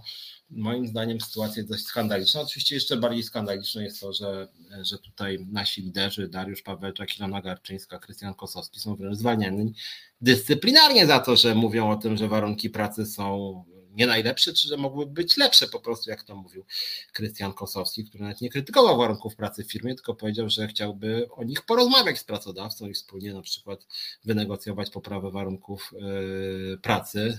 Winszuję całemu kanałowi Tobie Piotrze za taką wpływowość, a dla tej pani pracownicy wszystkiego dobrego. No dokładnie, ja też Agacie życzę wszystkiego dobrego. Moje zeznania, zresztą one nie są jakieś stronnicze, ja piszę po prostu zgodnie z prawdą. Na przykład było pytanie, czy ten program, czy wiem o co chodzi, czy, czy, czy wiem, co to jest program program Czas na Związki w Resecie Obywatelskim i czy, i czy pani Agata Andrzejkowicz była w tym programie? Prawidłowo odpowiedź tak, była. E, mm, czy według pana wiedzy pani Andrzejkowicz działała właśnie w związku zawodowym, reprezentowała ten związek stewardess. Oczywiście, że tak, jest to związek zrzeszony w Związkowej Alternatywie. Znam, że tej działalności według mojej wiedzy to zarząd dał jej status e, sygnalisty i właśnie osoby, która reprezentuje ten związek w sporach z pracodawcą. Więc przypuszczam, że ja mówię, nie chcę się wypowiadać w imieniu sądu, ale myślę, że Agata również ten proces wygra. Natomiast smutne jest to i mówię to już tak bardzo na serio, że takimi no, głupimi e, karami e, e, firmy państwowe, również spółki Skarbu Państwa, wymuszają na pracownikach, że muszą iść do sądu, no bo się bronią, tak? Więc to jest też, coś tu jest nie tak z tą praktyką, że ci, ci pracodawcy również właśnie w sektorze, nazwijmy to publicznym, czy spółkach Skarbu Państwa robią takie głupie rzeczy. Ta sama sprawa jest z Iloną Garczyńską, zwolnienie dyscyplinarne za to, że ego pani Gertrudy Usińskiej ucierpiało i oto mamy już kilka spraw sądowych, to jest moim zdaniem szokujące. Jeszcze może zanim przejdę do CPK, o którym miałem tutaj, y, żebym nie zapomniał y, powiedzieć, powiem tylko, że w y, ubiegłym tygodniu nasza liderka, która mi tu mignęła, Zusia Ilona Garczyńska, odebrała garść, całą garść papierów od prokuratury, prokuratury przeciwko naszemu związkowi w ZUSie. Wyobrażacie sobie, oni nie tylko Uścińska pozwała, czy nie, nie pozwała, oskarżyła w trybie karnym Ilonę Garczyńską i mnie za to, że e, skrytykowaliśmy jej antypracownicze działania, ale wyobraźcie sobie, że ZUS w postaci pani Gertrudy Uścińskiej zgłosił wniosek do prokuratury przeciwko naszemu związkowi w ZUSie, twierdząc, słuchaj, słuchajcie, że nasz związek ma złą reprezentację, że walne było nie takie jak trzeba, że im się nasz zarząd nie podoba. I później wy się dziwicie, że ja cytuję pierwszy artykuł ustawy o związkach zawodowych, gdzie jest powiedziane, że związki zawodowe są niezależne w swojej działalności od pracodawcy. Niezależne od pracodawcy, a tymczasem pani Uścińska uważa, że ona sama może sobie wybierać nasz zarząd, że może zwoływać walne, że ona ma prawo nas w ogóle lustrować. Tymczasem ustawa mówi wprost, że po prostu nie może, nie ma takiego prawa i sytuacja jest jakaś taka trochę tragikomiczna, dlatego że pani Uścińska już od roku, słuchajcie, od roku, tylko myśmy się dopiero co o tym dowiedzieli, od roku wysyła pisma do prokuratury e, przeciwko naszemu związkowi w ZUS-ie, że właśnie on źle powstał, że przewodnicząca nie taka jak trzeba, że zarząd nie taki jak trzeba. E, co ciekawe, wyobraźcie sobie, że, że, że załączył ZUS, załączył w oficjalnym piśmie do prokuratury e, screen z Facebooka, pani y, o jakimś y, fejkowym koncie, która tam nie pamiętam, no ale nazywa się mniej więcej Joanna Joanna, bez zdjęcia, która napisała, że ona to nic nie wiedziała o walnym związkowej alternatywy w ZUS-ie, a powinna wiedzieć. Osoba bez nazwiska i bez zdjęcia. I oni to załączyli do prokuratury ZUS jako dowód w sprawie, że jakaś pani bez zdjęcia na fejsie coś sobie rzuciła. Niesamowite, prawda? Aż Ziobro chyba wymiękł, bo, bo, bo to już było rok temu i cały czas nic. Ani Ilona nie jest przesłuchiwana, ani ja E, ale za, na co oni pieniądze wydają, nie? Że po prostu wnioski do prokuratury prawnicy ZUS-u wysyłają przeciwko związkowi, co jest w ogóle jawnie sprzeczne z prawem, sprzeczne z konstytucją. Eee, próbują nas zastraszyć, niechęci do działania, no to jest po prostu PRL bis, nie? Jakieś takie naprawdę lata 70., że pani Uścińskiej coś się nie przyśnił, no nie wiem, stan wojenny, czy nie wiem co, bo zachowuje się właśnie tak stanowojennie, bym powiedział no dziwne to i niesmaczne i kompromitujące moim zdaniem. Pani Uścińska powinna stracić pracę. Wciśnij start pisze właśnie o tym CPK-u, więc kilka rzeczy o CPK-u yy, powiem Wam, bo to jest dosyć ciekawe. Ja już mówiłem tu parę razy, moje działania w CPK-u są wynikiem współpracy, wsparcia Funduszu Obywatelskiego imienia Henryka Wójca, to są takie minigranty. Yy, oni wspierają tak zwane działania strażnicze, to się nazywa działania strażnicze, czyli mm, czyli badanie pewnych ważnych społecznie spraw i sprawdzanie, czy tam jest wszystko w porządku, mówiąc w pewnym uproszczeniu, poprzez między innymi rozmowy z ludźmi, z ekspertami, z prawnikami, z pracownikami, wysyłanie informacji, wysyłanie pytań w ramach informacji publicznej. No i ja się właśnie postanowiłem zająć CPK-iem, i wysłałem tych pism do e, różnych podmiotów, ale głównie rządowych. Dużo, dużo pytań wysłałem, chcąc się dowiedzieć, e, w jaki sposób właśnie ten CPK powstaje, czy wszystko jest tak, jak powinno być. Więc e, dzisiaj może cztery takie, cztery takie wnioski, które wysunąłem z tych swoich badań, być może Was też zainspirują do czegoś. Jeżeli Was zainspirują, to to zachęcam, byście do mnie pisali. Mnie można łatwo znaleźć na Facebooku, na Twitterze. E, możecie też napisać na mój adres e, Związkowej Alternatywy, czyli szumlewicz małpa za.org.pl. Szumlewicz, nazwisko małpa za.org.pl. Jakbyście mieli jakieś pomysły odnośnie tego, w jaki sposób przyglądać się CPK-owi. Natomiast ja generalnie wysłałem bardzo dużo e, pytań, szczególnie do Ministerstwa Funduszy i Polityki Regionalnej. Tam jest pan Chorała E, I rzeczywiście, e, I rzeczywiście pan Chorała jest odpowiedzialny za CEPEK i właśnie do tego ministerstwa wysyłałem różne pytania dotyczące CEPEK. Więc może dzisiaj podzielę się z wami takimi czterema spostrzeżeniami, jak mówię, jakbyście mieli jakieś pomysły, inspiracje, jakby te wątki e, kontynuować, ewentualnie inne, no to oczywiście dawajcie znać. Mm, jedna uwaga od razu. Dużo się dowiadujecie z z telewizji nawet, z radia, z portali internetowych na temat wywłaszczeń. Ja się akurat wywłaszczeniami przy budowie CPK-u tak bardzo nie zajmowałem, bo o tym tam na przykład pan Szymańczak u mnie był, który dużo o tym mówił e, i to są rzeczy bulwersujące, że rzeczywiście chcą się pozbyć mieszkańców w takim, bym powiedział, procesie dosyć mało transparentnym i mieszkańcy po prostu się boją, są przekonani, że stracą, e, władza unika tej odpowiedzi na pytania w ramach informacji publicznej, w związku z tym tutaj też przepraszam, niewątpliwie sporo patologii, e, natomiast tu rzeczywiście jest sporo podmiotów, które się tym zajmuje. E, w związku z tym stwierdziłem, że spróbuję podejść do CPK od trochę innej strony, głównie pracowniczej, czy takiej, mm, tak powiem, społeczno-gospodarczej. Co mam na myśli? No, no i właśnie te cztery, cztery wnioski, te cztery, cztery punkty, cztery sprawy, które są wynikiem moich działań. E, więc tak, po pierwsze, bardzo ciekawa rzecz, CEPEK ma sporo partnerów e, i nie ma tu żadnej firmy z Unii Europejskiej. Nie ma partnerów e, z Unii Europejskiej CEPEK-u. To jest dosyć ciekawe, że tak akurat te przetargi są budowane, tak są pisane, tak się wybiera tych partnerów, że że rzeczywiście CEPEK, polski rząd, bo to jest CEPEK, pan Chorała, to jest polski rząd w randze wiceministra, jest pan Chorała, koordynator do spraw Centralnego Portu Komunikacyjnego. E, no i właśnie, e, sporo już firm zostało wybranych, natomiast rzeczywiście CEPEK stroni od Unii Europejskiej, nie chce podpisywać kontraktów z Unią Europejską. To, co ja wypatrzyłem w tym, e, w tym projekcie, to jest to, że dwoma podmiotami współpracującymi z CEPEKiem mają być libańska firma Dar Al-Handasah, i brytyjskie przedsiębiorstwo Foster Plus Partners, mm, czyli libańskie, libańska firma i brytyjska. Oni mają być projektodawcami głównymi, no głównie chodzi oczywiście o e, płytę, tak, o lotnisko, tak, czyli jakby najważniejszą część, no ale generalnie właśnie głównymi projektodawcami całego przedsięwzięcia mają być te dwie firmy. I jedna rzecz, która łączy te firmy, to jest to, że te firmy projektowały stadionie w Katarze. Przy budowie tych e, stadionów, jak wiecie, pewnie zginęło co najmniej 6,5 tysiąca osób.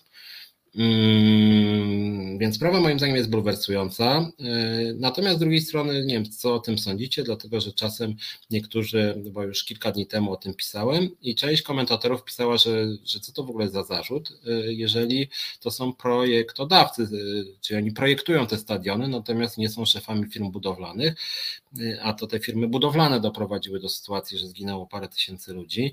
Ja mam jednak trochę inne stanowisko, dlatego że jeżeli to są rzeczywiście bardzo renomowani, renomowane firmy, to mogły postawić na przykład warunki, że przy budowie ich projektów będą przestrzegane prawa pracownicze, że będą klauzule społeczne, że będą stawki minimalne. Nawet chyba dzisiaj się ukazał materiał w jednym z dużych mediów, chyba wyborczej, że czy, czy, czy, czy w Onecie, nie jestem pewien. No w każdym razie jednym z mediów o tym, że właśnie pracownicy byli oszukiwani, że dostawali głodowe stawki, że nie dostawali jedzenia, no i że skutki były przerażające.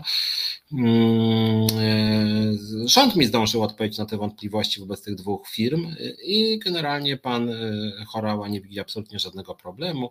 W związku z tym, że e, firmy nie zostały przez nikogo uznane za kryminalne, to wszystko jest w najlepszym porządku. Chociaż co ciekawe, nie doczytałem się, jak się to skończyło, ale wiem, że w pewnym momencie kilka lat temu wobec tej firmy libańskiej były prowadzone co najmniej kilka postępowań prokuratorskich, między innymi e, zaraz Liban, Arabia Saudyjska, Egipt i jeszcze jakiś chyba kraj, e, mianowicie były posądzenia o korupcję.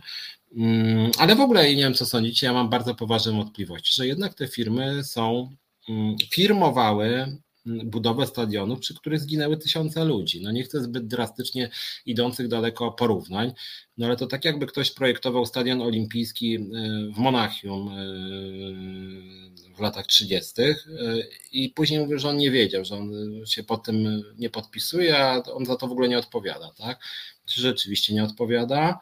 No mam wątpliwości, tym bardziej, że, że, że, że, że znalazłem jeden tekst odnośnie właśnie tego, tej odpowiedzialności, to te firmy kluczyły, tak? Że, to, że one nie wiedzą, że one się nie znają, że one nie są od tego. No wydaje mi się, że jeżeli ktoś jest renomowanym e, wizjonerem, bardzo rozpoznawalnym, wpływowym podmiotem nawet branży, bo ja tych firm wcześniej nie znałem, ale być może są rzeczywiście bardzo prestiżowe firmy, no to moim zdaniem mają prawo narzucić, czego oczekują od danego kraju, że na przykład ten kraj nie może barbarzyńsko łamać praw człowieka przy realizacji ich projektów, tak? A tutaj nic w ogóle. Giną tysiące ludzi, a te firmy jak gdyby nigdy nic i teraz pan Chorała zaprasza je do współpracy. No ja uważam, szczerze powiedziawszy, że jest to jednak moralnie bardzo, bardzo e, dwuznaczne. Bożena pisze Breczko, że Tusk często podejmuje temat CPK-u, może w któryś sposób wybrałby się tam z interwencją poselską i zebrał parę odpowiedzi na pytania. Znaczy wiesz, Boże, ci już mówiłem, że tutaj w tym programie mówiłem, że jakieś interpelacje poselskie, czy nawet interwencje poselskie ee, jakby posłowie niewiele więcej robią i mogą niż my możemy, a my chyba mamy trochę większą wiedzę jako związek, ale oczywiście zachęcam Tuska, jeżeli byłaby taka wola, to nawet te moje pytania jakby zadał trochę głośniej. Bożena pisze, ogłaszając przetarg na budowę, powinno się postawić warunki legalnego i etycznego zatrudnienia pracowników i podwykonawców. Znaczy tam ogólnie oni powiedzieli z rządu, że, że, że, że te firmy takie warunki spełnią i napisali, że zapewnili, że zarobki będą znacznie wyższe niż wynosi e, polska płaca minimalna. Pytanie to znaczy znacznie też e, mam też wątpliwości. Mm, mm, tym bardziej, że przy budowie tych stadionów w Katarze czytałem, że pierwotnie obiecywano zarobki rzędu 5-6 tysięcy złotych miesięcznie, co jak na Katar e, jest i tak mało. Natomiast ostatecznie dostawali ci ludzie pensję rzędu 1400-1500 złotych w Katarze, z tego co nawet słyszę, ostatnio jest bardzo drogo, więc to są naprawdę bardzo, bardzo niskie stawki, no tak jeszcze ci pracownicy tam byli oszukiwani, więc tutaj mam e, poważne wątpliwości co do tej wiarygodności tego, co rząd pisze. Piotr Strychalski z praktyki za realizację projektów odpowiada generalny wykonawca, natomiast projektant ma ograniczone uprawnienia w obrębie organizacji budowy, być może w umowach z zamawiającym mieli jakieś niefajne klauzule. Znaczy ja też uważam, że projektant ma ograniczone uprawnienia, tylko wiesz Piotr, to jest trochę tak mi się wydaje z tymi projektantami, że oni byli na tych stadionach i podobnie jak chodzi o CEPEK, to jakbyś nawet wszedł na stronę mm, CEPEK-u samego, to CEPEK wszędzie się chwali tymi firmami, że to są właśnie ich jakby gwiazdorzy, nie? I i podobnie wydaje mi się, że było trochę w Katarze, więc jeżeli to są naprawdę tacy gwiazdorzy, że trzeba się o nich starać i płacić jakieś im bajeczne pieniądze, no to jednak, e, no to jednak ci, ci gwiazdorzy też wydaje mi się, że mają możliwość jednak stawiania pewnych warunków. No to jest jakby etyczny biznes, no, a nie mówię, buduję stadion, e, projektuję stadion w Monachium na Igrzyska Olimpijskie, e, jak faszyzm rósł w siłę i później mówię, no sorry, ja tam no niby wiedziałem, czytałem gazety, że jakieś są patologie, ale w sumie to ja za to nie odpowiadam. No mam jednak tu poważne wątpliwości, tak do waszej też, tak powiem, etycznej e, refleksji, bo wiem, że można mieć różne zdanie w tej sprawie. Po drugie, rzecz zupełnie kuriozalna, słuchajcie, wysłałem do tego Ministerstwa Funduszy Polityki Regionalnej zapytanie, które właściwie jest kluczowe dla e, samego mm, powstawania CPK-u. Mm, tutaj Mariam Rozek pisze u mnie, miasto ma być przecięte na pół przez CPK, bloki, warsztaty pracy do wyburzenia oby ta megalomańska idea upadła. No wiem, takich głosów jest też yy, dużo. Piotr pisze, że Fosters tu to światowa marka, jak z Morale, to nie wiem. No właśnie, to jest pytanie, wiesz, Piotr, ja jestem też związkowcem, więc mnie to nie interesuje, czy ktoś jest światową marką, jak łamie jak, jak, jak złe praktyki promuje, to, to, to dla mnie jest naganne po prostu. Być może Fosters jest faktycznie światową marką, ale tym bardziej w takim razie powinien móc mówić, że przy realizacji jego projektów nie życzy sobie barbarzyńskiego łamania praw człowieka. No. Tak mi się wydaje i wydaje mi się, że jeżeli to jest taka światowa marka, to miał taką możliwość, żeby coś takiego zażądać, a nie później kluczyć, że on o tym nie wiedział, że on się na tym nie zna, że może i barbarzyńskie państwo, ale to nie jego sprawa, bo on jest wielkim artystą. No ja, ja jakby tu mam jednak poważne wątpliwości etyczne. No natomiast wracając do tego, co powiedziałem. Otóż słuchajcie, wyobraźcie sobie, że ministerstwo odmówiło nam informacji na temat przewidywanej liczby pasażerów ruchu lotniczego w najbliższych latach. Zapytaliśmy Ministerstwa Funduszy i Polityki Regionalnej, ja zapytałem e, i powiedzieli, że nie mają takiej wiedzy, że tym się w ogóle zajmuje Ministerstwo Infrastruktury. I to jest coś zupełnie niesamowitego, dlatego że główną legitymizacją, uzasadnieniem, usankcjonowaniem Centralnego Portu Komunikacyjnego było to, że rząd się chwalił, że my jesteśmy takim wielkim, wspaniałym krajem i tyle będzie lotów, że trzeba wybudować cepek i że lotnisko Okęcie straci sens z tego względu, że po prostu przestaną się mieścić na tym Okęciu, tak i w Modlinie, że będzie po prostu za mało, że nie można już tego dłużej rozbudowywać. W związku z tym trzeba przenieść ruch pasażerski do wielkiego giganta, czyli do Baranowa, do Cepeku właśnie, no więc jakby e, przed epidemią ludzie mówili, no dobra, no w sumie jak będzie tam, część przynajmniej tak mówiła, ja miałem wątpliwości poważne tego projektu, ale część mówiła, że no w sumie to rzeczywiście rośnie szybko liczba pasażerów, w związku z tym może faktycznie trzeba coś zbudować nowego. Ja argumentowałem, że moim zdaniem i zdaniem też e, części i moich związkowców i ekspertów, których znam, robiłem też taką debatę jako naczelny magazynu dialogu społecznego Fakty, że znacznie lepszym rozwiązaniem byłby e, taki duoport e, e, Modlin-Okęcie i przy rozbudowie Modlina i niewielkiej jeszcze, ale też rozbudowie Okęcia byłoby to znacznie lepsze i znacznie tańsze rozwiązanie i znacznie bardziej ekologiczne rozwiązanie i mniej szkodliwe dla mieszkańców Polski, okolic lotnisk. Właśnie to byłoby dużo lepsze ten duoport właśnie Okęcie Modlin niż budowa CPK gdziekolwiek. Rząd to odrzucił, mówiąc, że będzie strasznie szybko rosła liczba pasażerów i trzeba jednak tutaj rąbnąć lotnisko przez duże L, gdzie będzie, nie wiem, 100 milionów pasażerów. No i jak wiecie, stało się to, co się stało, czyli wybuchła epidemia, ruch lotniczy się posypał, ale to, że on się posypał, to jest w pewnym sensie rzecz krótkofalowa. Ważniejsze jest to, że odkąd mamy, mieliśmy czy mamy jeszcze epidemię koronawirusa, to bardzo dużo odpadło lotów biznesowych, na przykład z Warszawy do Londynu czy z Warszawy do Brukseli i bardzo duża część takich biznesowych spotkań przeniosła się do sieci, na tak zwane Zoomy chociażby. W związku z tym wydaje mi się, że bezpowrotnie jakaś liczba e, lotów, szczególnie w klasie biznes, e, znikła po prostu, tak, że te, ci ludzie przestaną latać, bo już się przyzwyczaili, taka powstała biznesowa norma, że biznesmen z Warszawy rozmawia ze swoim partnerem z Londynu, czy Brukseli, czy jakiegoś innego, innej stolicy Europy, na przykład właśnie nie lotami jednodniowymi na pogaduszki w kawiarni czy w biurze, tylko po prostu na Zoomie, w związku z tym część tych ofert, które no kosztowały sporo i były dużym zyskiem dla linii lotniczych, po prostu odpadło. To jest jedna sprawa. Druga sprawa mm, jest y, równie ważna i widoczna. Ja to też pytałem Ministerstwa y, Funduszy i Polityki Regionalnej, mianowicie jak wiecie, wszyscy wiemy, koszty energii mocno wzrosły, y, przez to również wzrosły ceny biletów lotniczych, w związku z tym mm, też część osób przestało latać, zmniejszył się popyt, ponieważ ceny są rzeczywiście niekiedy zaporowe.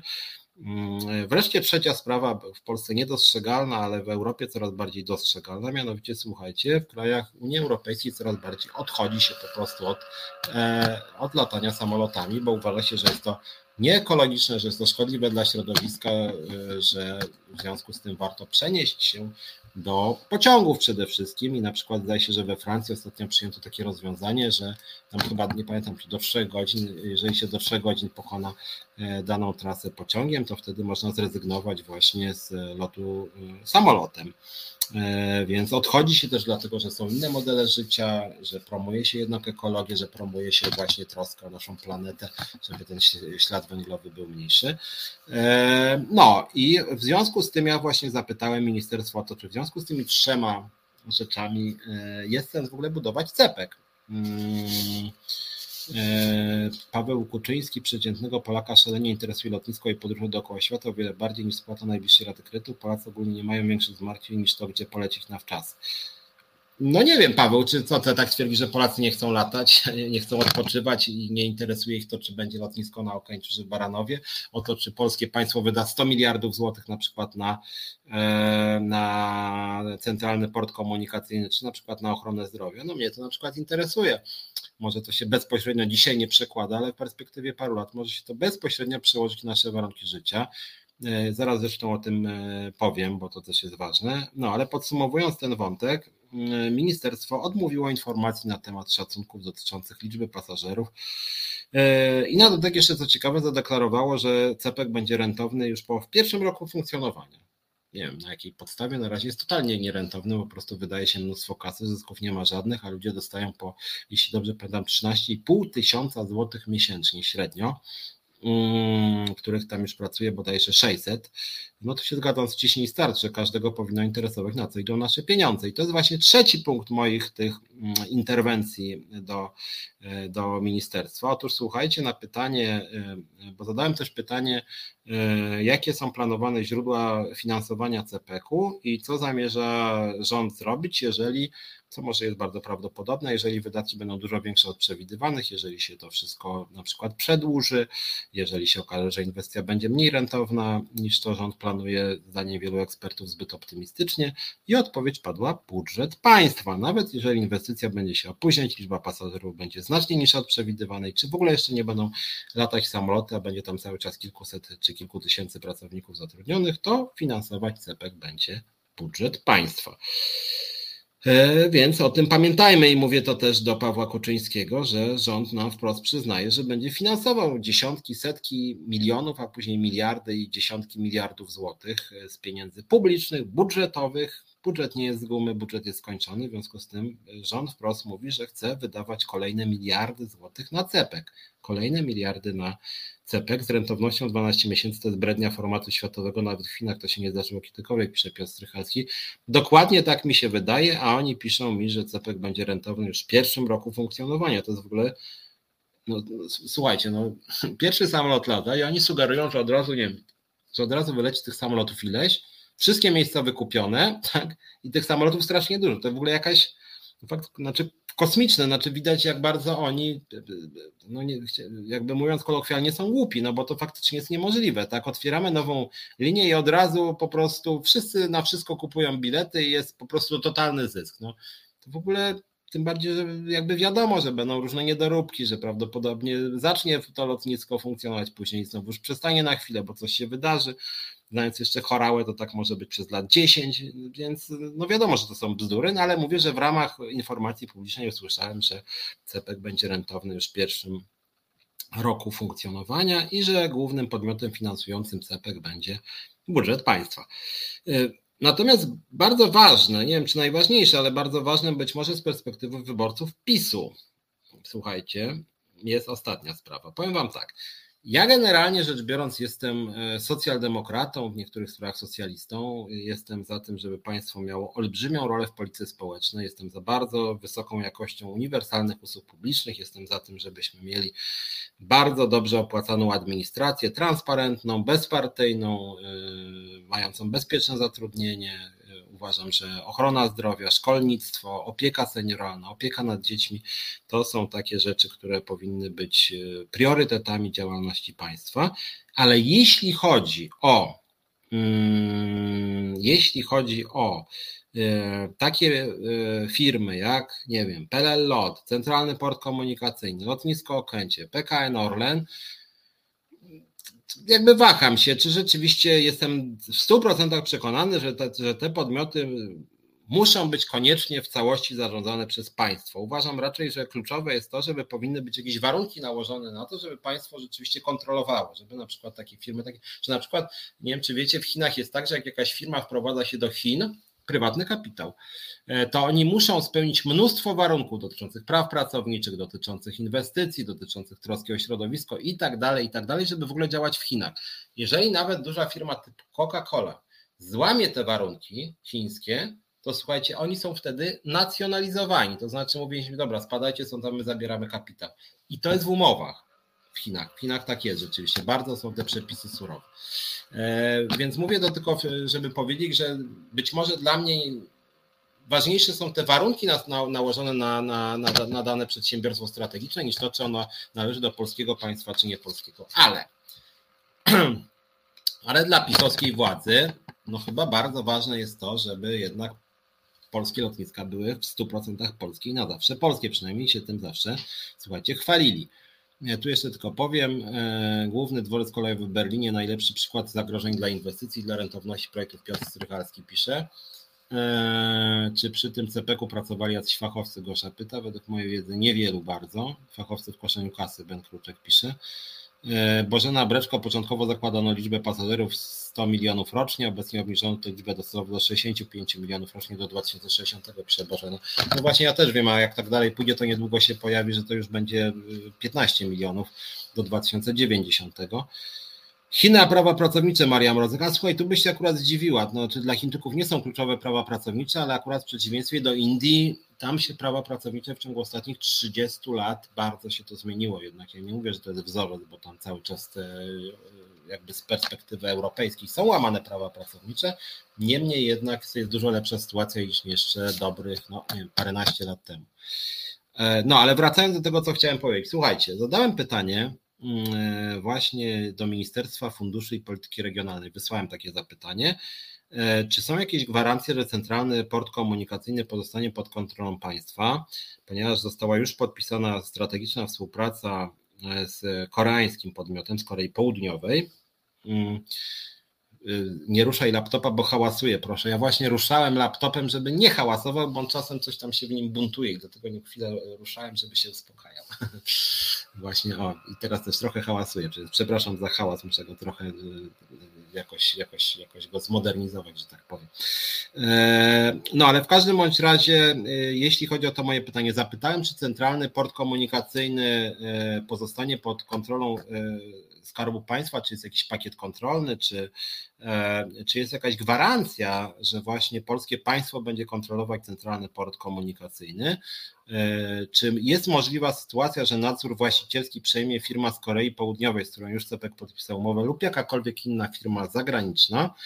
I słuchajcie, wyobraźcie sobie, że odmówiono mi odpowiedzi na to pytanie.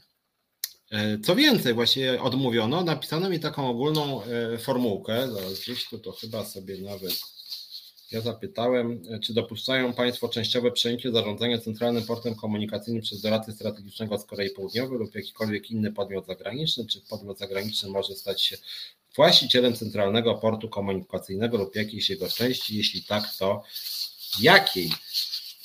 I słuchajcie, Cepek mi odpowiedział, czy pan Chorała, informacja publiczna dotyczy sfery faktów, może nią być treść określonego dokumentu, natomiast w trybie przepisów tam ustawy z 2001 roku nie można domagać się wyrażenia opinii na dany temat, przeprowadzenia oceny lub dokonania interpretacji. Z tych samych powodów przedmiotem wniosku o udzielenie informacji nie może być stan świadomości organu, gdyż informacja publiczna dotyczy sfery faktów czyli danych, jakimi konkretny organ dysponuje. Wniosek o udostępnienie informacji jest żądaniem udzielenia kwalifikowanej informacji czy wiadomości określonej treści.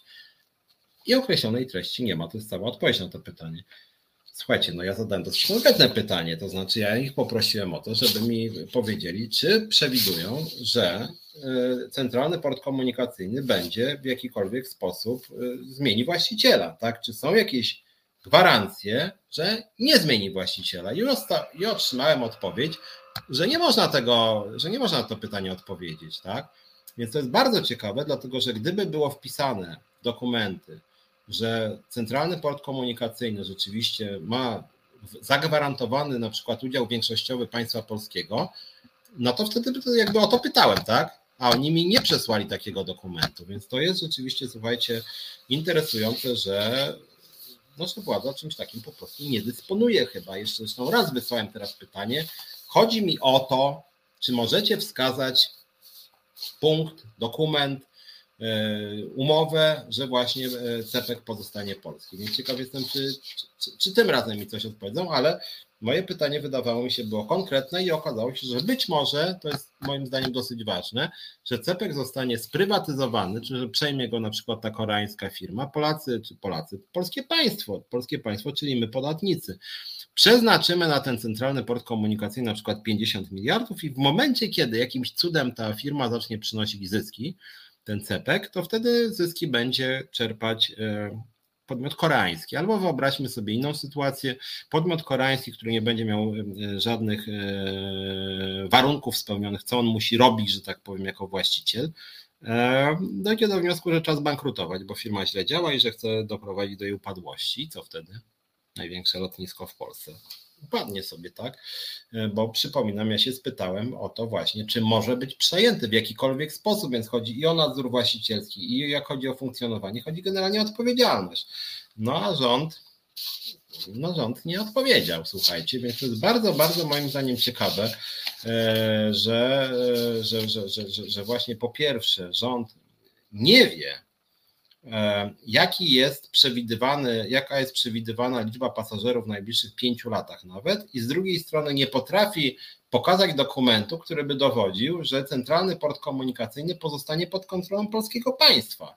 A pamiętacie, jaki był szum, jak mówili, że Tusk chce sprzedać polskie linie lotnicze chce, żeby one były Niemców, tak? Znaczy to w ogóle bzdura była, bo wcale Tusk tego nie chciał ale Tusk ponoć chciał, a oni widać, że mogą to po prostu zrobić, bo nie ma tutaj żadnych w ogóle ustawowych, przynajmniej nie wysłali mi żadnych ustawowych, że tak powiem, takich e, e, przeszkód, tak, żeby ten cepek sprywatyzować, czy sprzedać jakiemuś obcemu podmiotowi, jakiemuś innemu państwu na przykład, więc to jest akurat bardzo interesujące i równie interesujące jest moim zdaniem to, że właśnie CEPEK to jest no, na razie wielka łąka z wieloma dziurami, ale już się na nią wydaje bardzo dużo pieniędzy, już się podpisuje kontrakty z różnymi firmami zagranicznymi i wśród tych firm zagranicznych nie ma firm Unii Europejskiej, więc ciągle PiS ma jakąś jazdę przeciwko Unii Europejskiej, że robi wielkie strategiczne lotnisko, przynajmniej tak twierdzi, i nie wprowadza do tej budowy żadnej firmy unijnej, chociaż wprowadza różne firmy zagraniczne. Tak już tam jest ich kilka na czele właśnie z firmą koreańską i firmą brytyjską, czyli spoza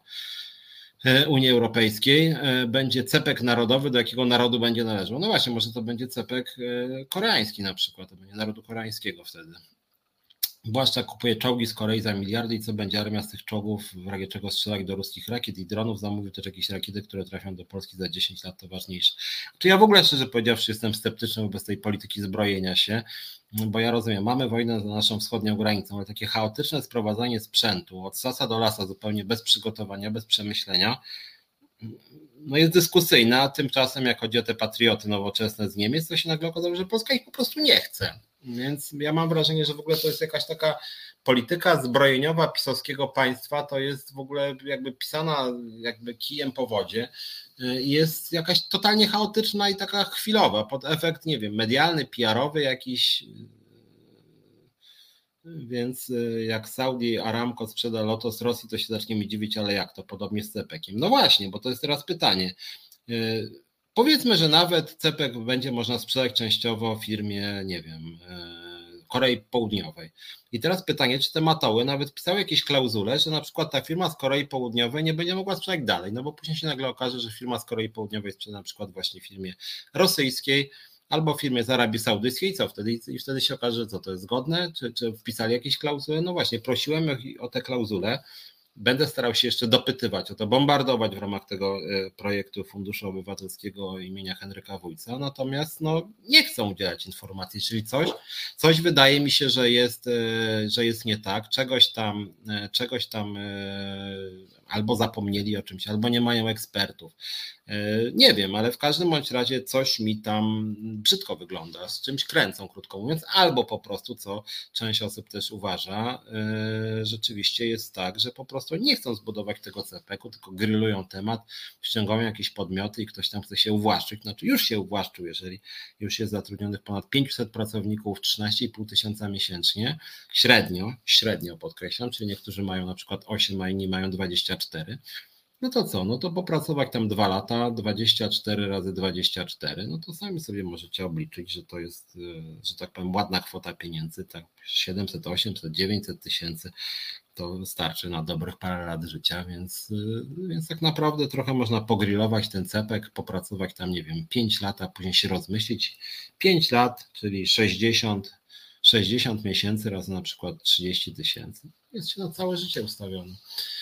E, Paweł Kuczyński, jak wróci tu z Balcerowiczem, to postaramy będą dawać pieniądze Kulczykom i bankom, będą wspierać jak mogą deweloperów. No tak, ale znaczy ja nie jestem jakimś fanem Tuska, czy tym bardziej Balcerowicza, ale uważam, że że PiS robi jeszcze gorzej, można powiedzieć, no, bo ci rozdają pieniądze chorałom i sasinom, tak, i ich rodzinom, kolegom, znajomym i jeszcze robią to w sposób jakiś niesamowicie nieudolny.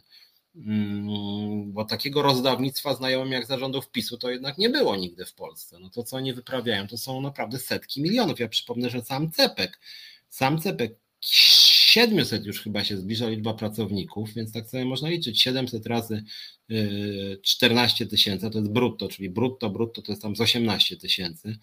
No to to są miliardy przecież, no to w krótkim czasie wy, wyda się na sam cepek y, kilka miliardów, więc jak widzisz, jak mówisz Paweł o o tym, że wróci tu z Balcerowiczem, no naprawdę trudno będzie aż tak rozkraść państwo, jak to, co robi PiS. No, takiego jednak rozkradania moim zdaniem nie było, chociaż ja mówię, nie jestem fanem ani Tuska, ani tym bardziej y, Balcerowicza, ale moim zdaniem nawet to, co robią z CPK-iem, to się w głowie nie mieści. Tam praktycznie w ogóle nie ma ekspertów. Jacyś znajomi partii, no przecież są, te, też właśnie będę jeszcze wyślę zapytania w ramach informacji publicznej do chorały, za co ci ludzie dostają pieniądze po prostu, tak? Znaczy, co oni w ogóle tam robią, nie? Bo jaki jest sens tych 600 czy 700 pracowników? Przecież to jest po prostu mm, szokujące właśnie. To też zapytam właśnie o to, co ci ludzie tam po prostu wyprawiają, jakie mają kompetencje, jakie były w ogóle konkursy, tak? Czy były w ogóle konkursy na jakiekolwiek stanowisko, bo ja się przyznam szczerze, z czymś takim e, nie spotkałem. 15 minut jeszcze mamy, więc może kilka takich e, rzeczy e, bieżących. Za tydzień prawdopodobnie będziemy mieli tutaj nasz związek ze skarbówki. Obiecywałem, że w tym tygodniu, ale Agata Jagodzińska musiała jechać bodaj do Zielonej Góry, mm, więc nasz związek w skarbówce bardzo, bardzo dużo ma obowiązków. Natomiast no, też muszę z pewnym podziwem pogratulować, że no to przynosi skutki, bo e, liczba naszych związkowców w skarbówce zbliża się do 2,5 tysiąca osób. Bardzo szybko, gdzie co miesiąc tak między 100 i 200 osób do nas przystępuje w skarbówce, więc bardzo bym chciał, żeby tutaj nasi liderzy skarbówki zawitali w, w resecie, no ale też muszę powiedzieć, że ich robota w terenie jest bardzo potrzebna, bardzo ważna i ją bardzo podziwiam. W związku z tym no, liczę na to, że za tydzień już się spotkamy, ale musieliśmy przenieść ten dzisiejszy program, bo planowałem, że dzisiaj będzie Agata Jagodzińska, Marta Rutkowska, być może jeszcze kilka innych osób, no ale okazało się, że mają swoje prace w terenie. Zresztą ja też ostatnio na przykład byłem mm, w Lublinie, w związku z tym no też te wyjazdy służbowe czasem są, są ważną częścią naszej związkowej misji, ale za tydzień już może o skarbówce porozmawiamy. W każdym razie jeden news ze skarbówki jest taki, że rzeczywiście jesteśmy tam zdecydowanie najszybciej rozwijającym się związkiem. Jak tak dalej pójdzie, to już wkrótce będziemy związkiem największym w skarbówce po prostu. Więc za to na pewno się należą gratulacje. Druga sprawa o ZUS-ie już wspominałem, którego, któregoś dnia przyjdzie e, tutaj Ilona Garczyńska za tydzień, dwa czy trzy. Będziemy rozmawiać o tym, co się dzieje w ZUS-ie. No, tam się jakieś kuriozalne rzeczy dzieją z tymi wnioskami do prokuratury, o których wspominałem. Mm, natomiast Gosza podsunęła wątek, o którym chciałem właśnie dwa zdania powiedzieć, co z tym szubrawcem kurskim ma zarabiać milion rocznie. Znaczy to jest no tak człowiek nie wie trochę co powiedzieć, nie? Że akurat co do Kurskiego nie mam żadnych tutaj wahań, żeby powiedzieć, że takiego, nie wiem, idiotę, jakiegoś chama, prymitywa promują i dają mu miliony jest to po prostu jeden z bardziej agresywnych polityków partii rządzącej. Taki Janusz Kowalski z doładowaniem jeszcze, który ma trochę większą wiedzę na temat mediów. Najpierw zarobił kilka milionów, z tego co pamiętam, w TVP jako obrzydliwy propagandista, po prostu odrażająca postać. Po czym jak chciał zostać, nie wiem, wicepremierem czy kim jakieś miał chyba bardzo rozbuchane ambicje y, i y, nie było przyzwolenia na to w PiSie i w Solidarnej Polsce, no to Kaczyński powiedział, dobra, no nie mogę ci dać cholera, a nie chcę cię tracić, to może teraz to, co byś sobie życzyła? Kurski palną, no to ja chcę, chcę coś, gdzie będę zarabiać bardzo dużo. Aha, gdzie byś mógł zarabiać kurczę bardzo dużo? No i dzwoni tam do Glapińskiego, ty, masz coś może takiego, ale wiesz, musi więcej niż ty zarabiać, nie? Jakiś tam, no nie wiem, jakiś, najlepiej tak jakby zarobił dwa lata parę milionów, nie? No dobra, to mamy miejsce w Banku Światowym, dawaj go. No i Glapiński zaproponował Jacka Kurskiego jako przedstawiciela Polski, Polski Banku Światowym. Czy ten po prostu propagandowy osioł będzie nas reprezentował w Banku Światowym. jeszcze napisał, że tak jak a tu Bożena Breczko napisała, że, że tam również zrobi dużo dobrego, jest przekonany, to brzmi po prostu jak jakiś, nie wiem, kabaret. jeszcze napisał w ogóle chyba, że wraca do jakiejś swojej, mm, jakiegoś swojego zawodu w ogóle, od kiedy on jest w ogóle do, jakimś ekspertem bankowym, przecież to jest jakiś no kabaret, tak jak pan Janusz Kowalski zarobił 2 miliony w spółkach Skarbu Państwa energetycznych, no przecież to no nóż się w kieszeni otwiera po prostu. To jest jakiś koszmar, że oni tak na bezczela. I jeszcze ten Kaczyński później jeździ po Polsce i on mówi, że opozycja jest roszczeniowa, opozycja chce zniszczyć kraj. Yy, wcześniej Szydło mówił o tej skromności, po czym swojemu człowiekowi, swojemu człowiekowi yy, dają ofertę za miliony rocznie, miliony. Przecież no to jest, znaczy to też niestety ja bym powiedział, że mm, PiS niestety trochę, mówiąc brutalnie, korzysta z pewnej głupoty Polaków, czy takiej przyzwolenia na, na przekręty po prostu, na naciąganie nas, tak, że po prostu za taki numer, jaki oni z Kurskim e, wycięli, to powinni, no nie wiem, stracić 5 punktów, tak, że elektorat, no nie, kurczę, takie kolesiostwo, taki jakiś nepotyzm, takie partyjniactwo, to nie, wysyłać po prostu matoła propagandzistę do prestiżowej instytucji Banku Światowego dziś zarabia kupę kasy. Człowieka, który się w ogóle nie zna na bankowości, który jest ignorantem, który się skompromitował potwornie, że go już nawet tej telewizji publicznej nie chcieli, e, po czym, po czym go dają do Banku Światowego. Znaczy, a Boże, że nawet nie wiedział, że istnieje takie stanowisko jak przedstawiciel Polski w Radzie Dyrektorów Wykonawczych. No właśnie, znaczy tak to zostało zrobione, że Kurski nawet nie wiedział, jakie dostaje stanowisko, bo po prostu sobie zażyczył, że ma mieć stanowisko, gdzie bardzo dużo kasy zarobi i będzie ustawiony na całe życie. I tak, dobra, to damy mu, bo, bo w końcu no, rzeczywiście coś mu obiecywaliśmy. W związku z tym, w związku z tym to już mu może dajmy to. Będzie zadowolona, a tak to byłby niezadowolona, po co mieć wroga. Są jakby historia z tego samego mm, koszyczka, że tak powiem, ale chyba jeszcze bardziej w sumie bezczelna. Nie wiem, czy przeczytaliście, spotkaliście się z tym. Historia pana Jacka Ozdoby.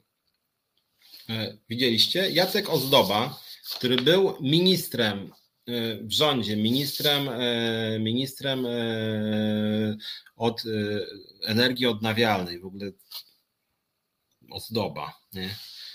Ozdoba, który ma się zajmować w ogóle jakimiś nowymi technologiami, przecież on się w ogóle na tym nie zna. Ale słuchajcie, co się okazało? Okazało się, że Ozdoba został wiceministrem. On stracił tylko wszelkie kompetencje. Teraz będzie ministrem bez teki, wiceministrem bez teki, nie? Pozbawili go wszelkich obowiązków, wszelkich uprawnień i teraz on będzie ministrem bez kompetencji za 17 tysięcy złotych miesięcznie.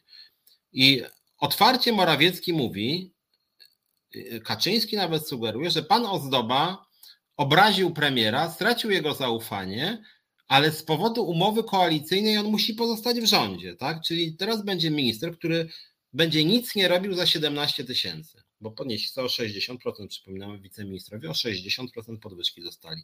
I teraz słuchajcie, no to, że ludzie po prostu jakby to tolerują, ten jeden gest, facet, który jest skompromitowany, który na przykład jak chodzi o Odrę, to jego brednie powinien po prostu wtedy, no to, to totalnie się ośmieszy, wyszedł na, na groźnego idiotę, ale nie stracił stanowiska. Teraz powiedział, że Morawiecki to jednak działa na szkodę kraju, w związku z tym Morawiecki się obraził. No nie, to teraz o zdobie odbiorę kompetencje, ale weszł przed Ziobro i powiedział, dobra, może stracić kompetencje, może stracić obowiązki, ale w rządzie ma zostać, bo to jest mój człowiek. I Kaczyński z Morawieckim, dobra, 17 tysięcy za nic nie robienie, to ja nie wiem, rozumiem, że pan Ozdoba teraz będzie mógł być... Mm, siedzieć sobie, nie wiem, na Kanarach cały rok, czy tam, nie wiem, na Balearach, Seszelach, gdzie on tam będzie chciał jeździć. Tak na marginesie, żeby nie było, że jednak sobie tylko jęczę po, w moim programie w Resecie Obywatelskim wysłałem do mm, rządu, do ministerstwa odpowiedzialnego pismo, jakie będą obowiązki pana ministra Ozdoby w związku z doniesieniami medialnymi właśnie, że wszelakie e, kompetencje mu odebrano, co będzie robił pan Ozdoba e, i czy jest przewidywane, że jeżeli nic by nie robił, czy odbierze mu się pensję. Więc bardzo jestem ciekaw, co mi szanowny rząd odpisze. Mm, no zobaczymy. Lud PiS będzie się cieszył z powodu awansu kury, a może, może on czeka, aż PiS przegra wybory i wtedy będzie chciał być szefem PiSu. Straszne to jest po prostu wszystko.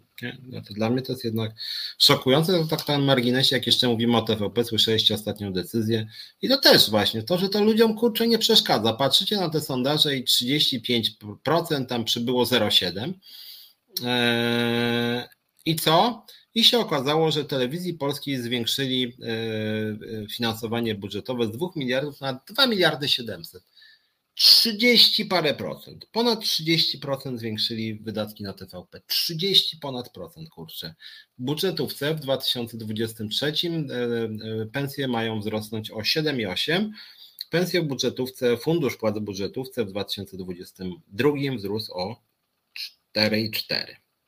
4,4 2022, 7,8 2023, a tymczasem telewizja polska musi mieć podwyżkę o 30 mniej więcej, ile? 33 to wychodzi 2 miliardy 2 700, 700 milionów, no tak, czyli mniej więcej 33%, tak, no to po prostu no i, widzicie, no, znaczy generalnie chciałoby się powiedzieć, że lud powinien, wściekły lud powinien wyjść na ulicę, yy, słysząc o tym, ale lud jakoś tak, no dobra, w sumie bez przesady, no może kradną, ale czasem nam dadzą 13 emeryturę albo 500 plus, nie? Znaczy to jest po prostu przyzwolenie na te wszystkie grube patologie, że gdyby po prostu PiS nagle stracił poparcie o 15 punktów procentowych i nagle się okazało, że w sondażach nie ma 38, tylko na przykład 19, mm, czy 35, jak Boże napisze, no to wtedy może powiedzieć, no dobra, kurczę, sorry, Jacek, Kurski, ale niestety nie możesz tego stołka dostać, bo ludzie się wkurzają i przez ciebie przegramy wybory, nie?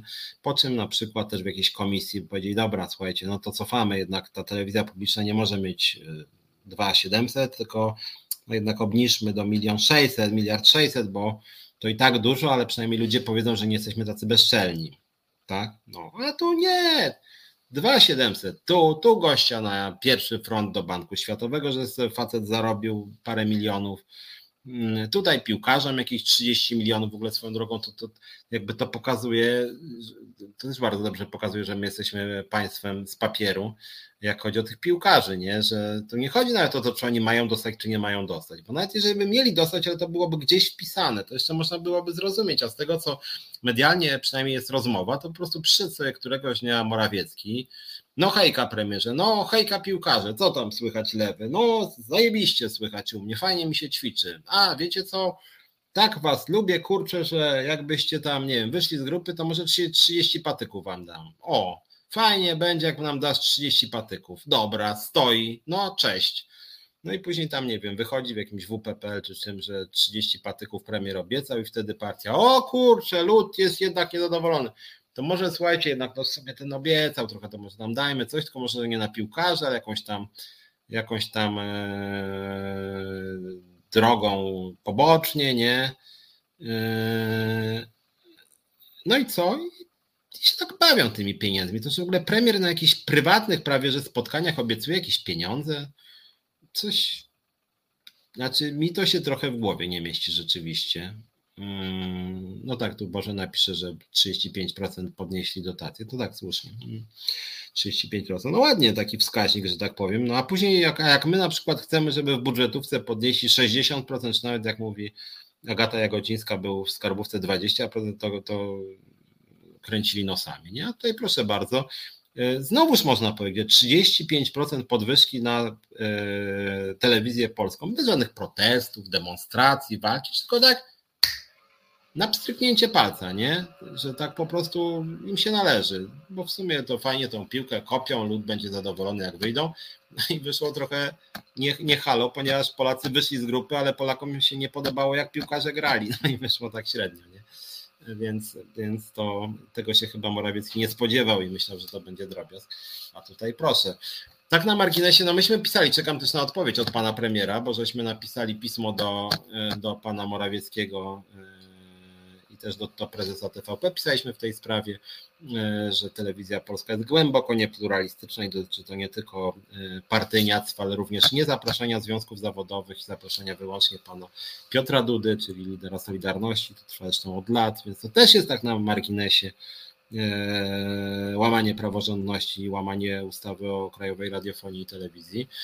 Bożena Breczko pisze, uzasadnili to inflacją wyprzedzającą. To taka Tutaj to ładna ta inflacja. Dla, dla telewizji polskiej inflacja wynosi 35%, a dla mm, budżetówki wynosi najwyraźniej 7,8, a w tym roku wręcz 4,4. No dziwne bardzo, bo GUS mówi, że nie 4,4, tylko, e, tylko 17,4 i to też po drobnym spadku. E, więc e, tak na marginesie. E, no wszczęta awantura podział tej sumy, pisze Tomasz, że to też jest zabawna. No jest trochę zabawna. Teraz nagle tłumaczą, że to nie dla piłkarzy, tylko na jakieś tam klubiki sportowe. No w ogóle jakby no państwo z papieru, po prostu państwo, państwo z papieru, więc totalne jakieś, jakieś nieporozumienie. No ale nic, no powoli musimy kończyć. W każdym bądź razie powtarzam co, to, co tydzień, pamiętajcie, kończy się rok. Październik, już mamy prawie 10 grudnia, a mimo to w ustawie budżetowej na rok 2022 inflacja wynosi 3,3%. 3,3 sobie wpisali i tego nie zmieniają. 3,3 jest w tej rocznej ustawie budżetowej i w związku z tym 4,4 podwyżki płac w budżetówce. Tak to jest wpisane, że budżetówka zyskała ten 1,1%, ale inflacja jest 3,3. Słuchajcie, totalnie nierealistyczne założenia budżetowe. Można powiedzieć, po co ta cała armia urzędników pana premiera i pana ministra finansów, którzy mu doradzają, skoro z tego doradzania wychodzi, że no naprawdę my jako związkowa alternatywa mamy tysiąc razy mniej pieniędzy, a ja mogę zapewnić pana premiera jako główny doradca strategiczny, inflacja nie wynosi 3,3 a w związku z tym no, nie wypada podnosić funduszu płac o 4,4 w budżetówce, bo to jest radykalny spadek realnych wynagrodzeń, więc to są po prostu zwykłe kłamstwa. Dobra, słuchajcie, liczę na to, że za tydzień spotkam się już e, tutaj z naszą skarbówką, która jak mówię dzisiaj miała być, ale jeździła po kraju, załatwiać różne ważne sprawy, spotkania z ludźmi w terenie, załatwianie spraw, negocjowanie podwyżek, negocjowanie nagród, różne, różne E, sprawy, więc prawdopodobnie za tydzień będę rozmawiać z przedstawicielami Związkowej Alternatywy w Skarbówce. W piątek widzę się z Krzyżaniakiem. Pamiętajcie, godzina 20.30, nie 21, 20.30 z Krzyżaniakiem. Teraz jesteśmy e, wcześniej. E, w piątek o 20.30 będziemy podsumować mijający tydzień, a teraz słuchajcie, muszę kończyć, bo 18.55. Bardzo dziękuję naszej realizatorce, dziękuję naszemu dzisiejszemu wydawcy, y, naszemu sponsorowi i trzymajcie się. Widzimy się i słyszymy za tydzień, a w piątek razem z Krzeniakiem będziemy podsumować tydzień.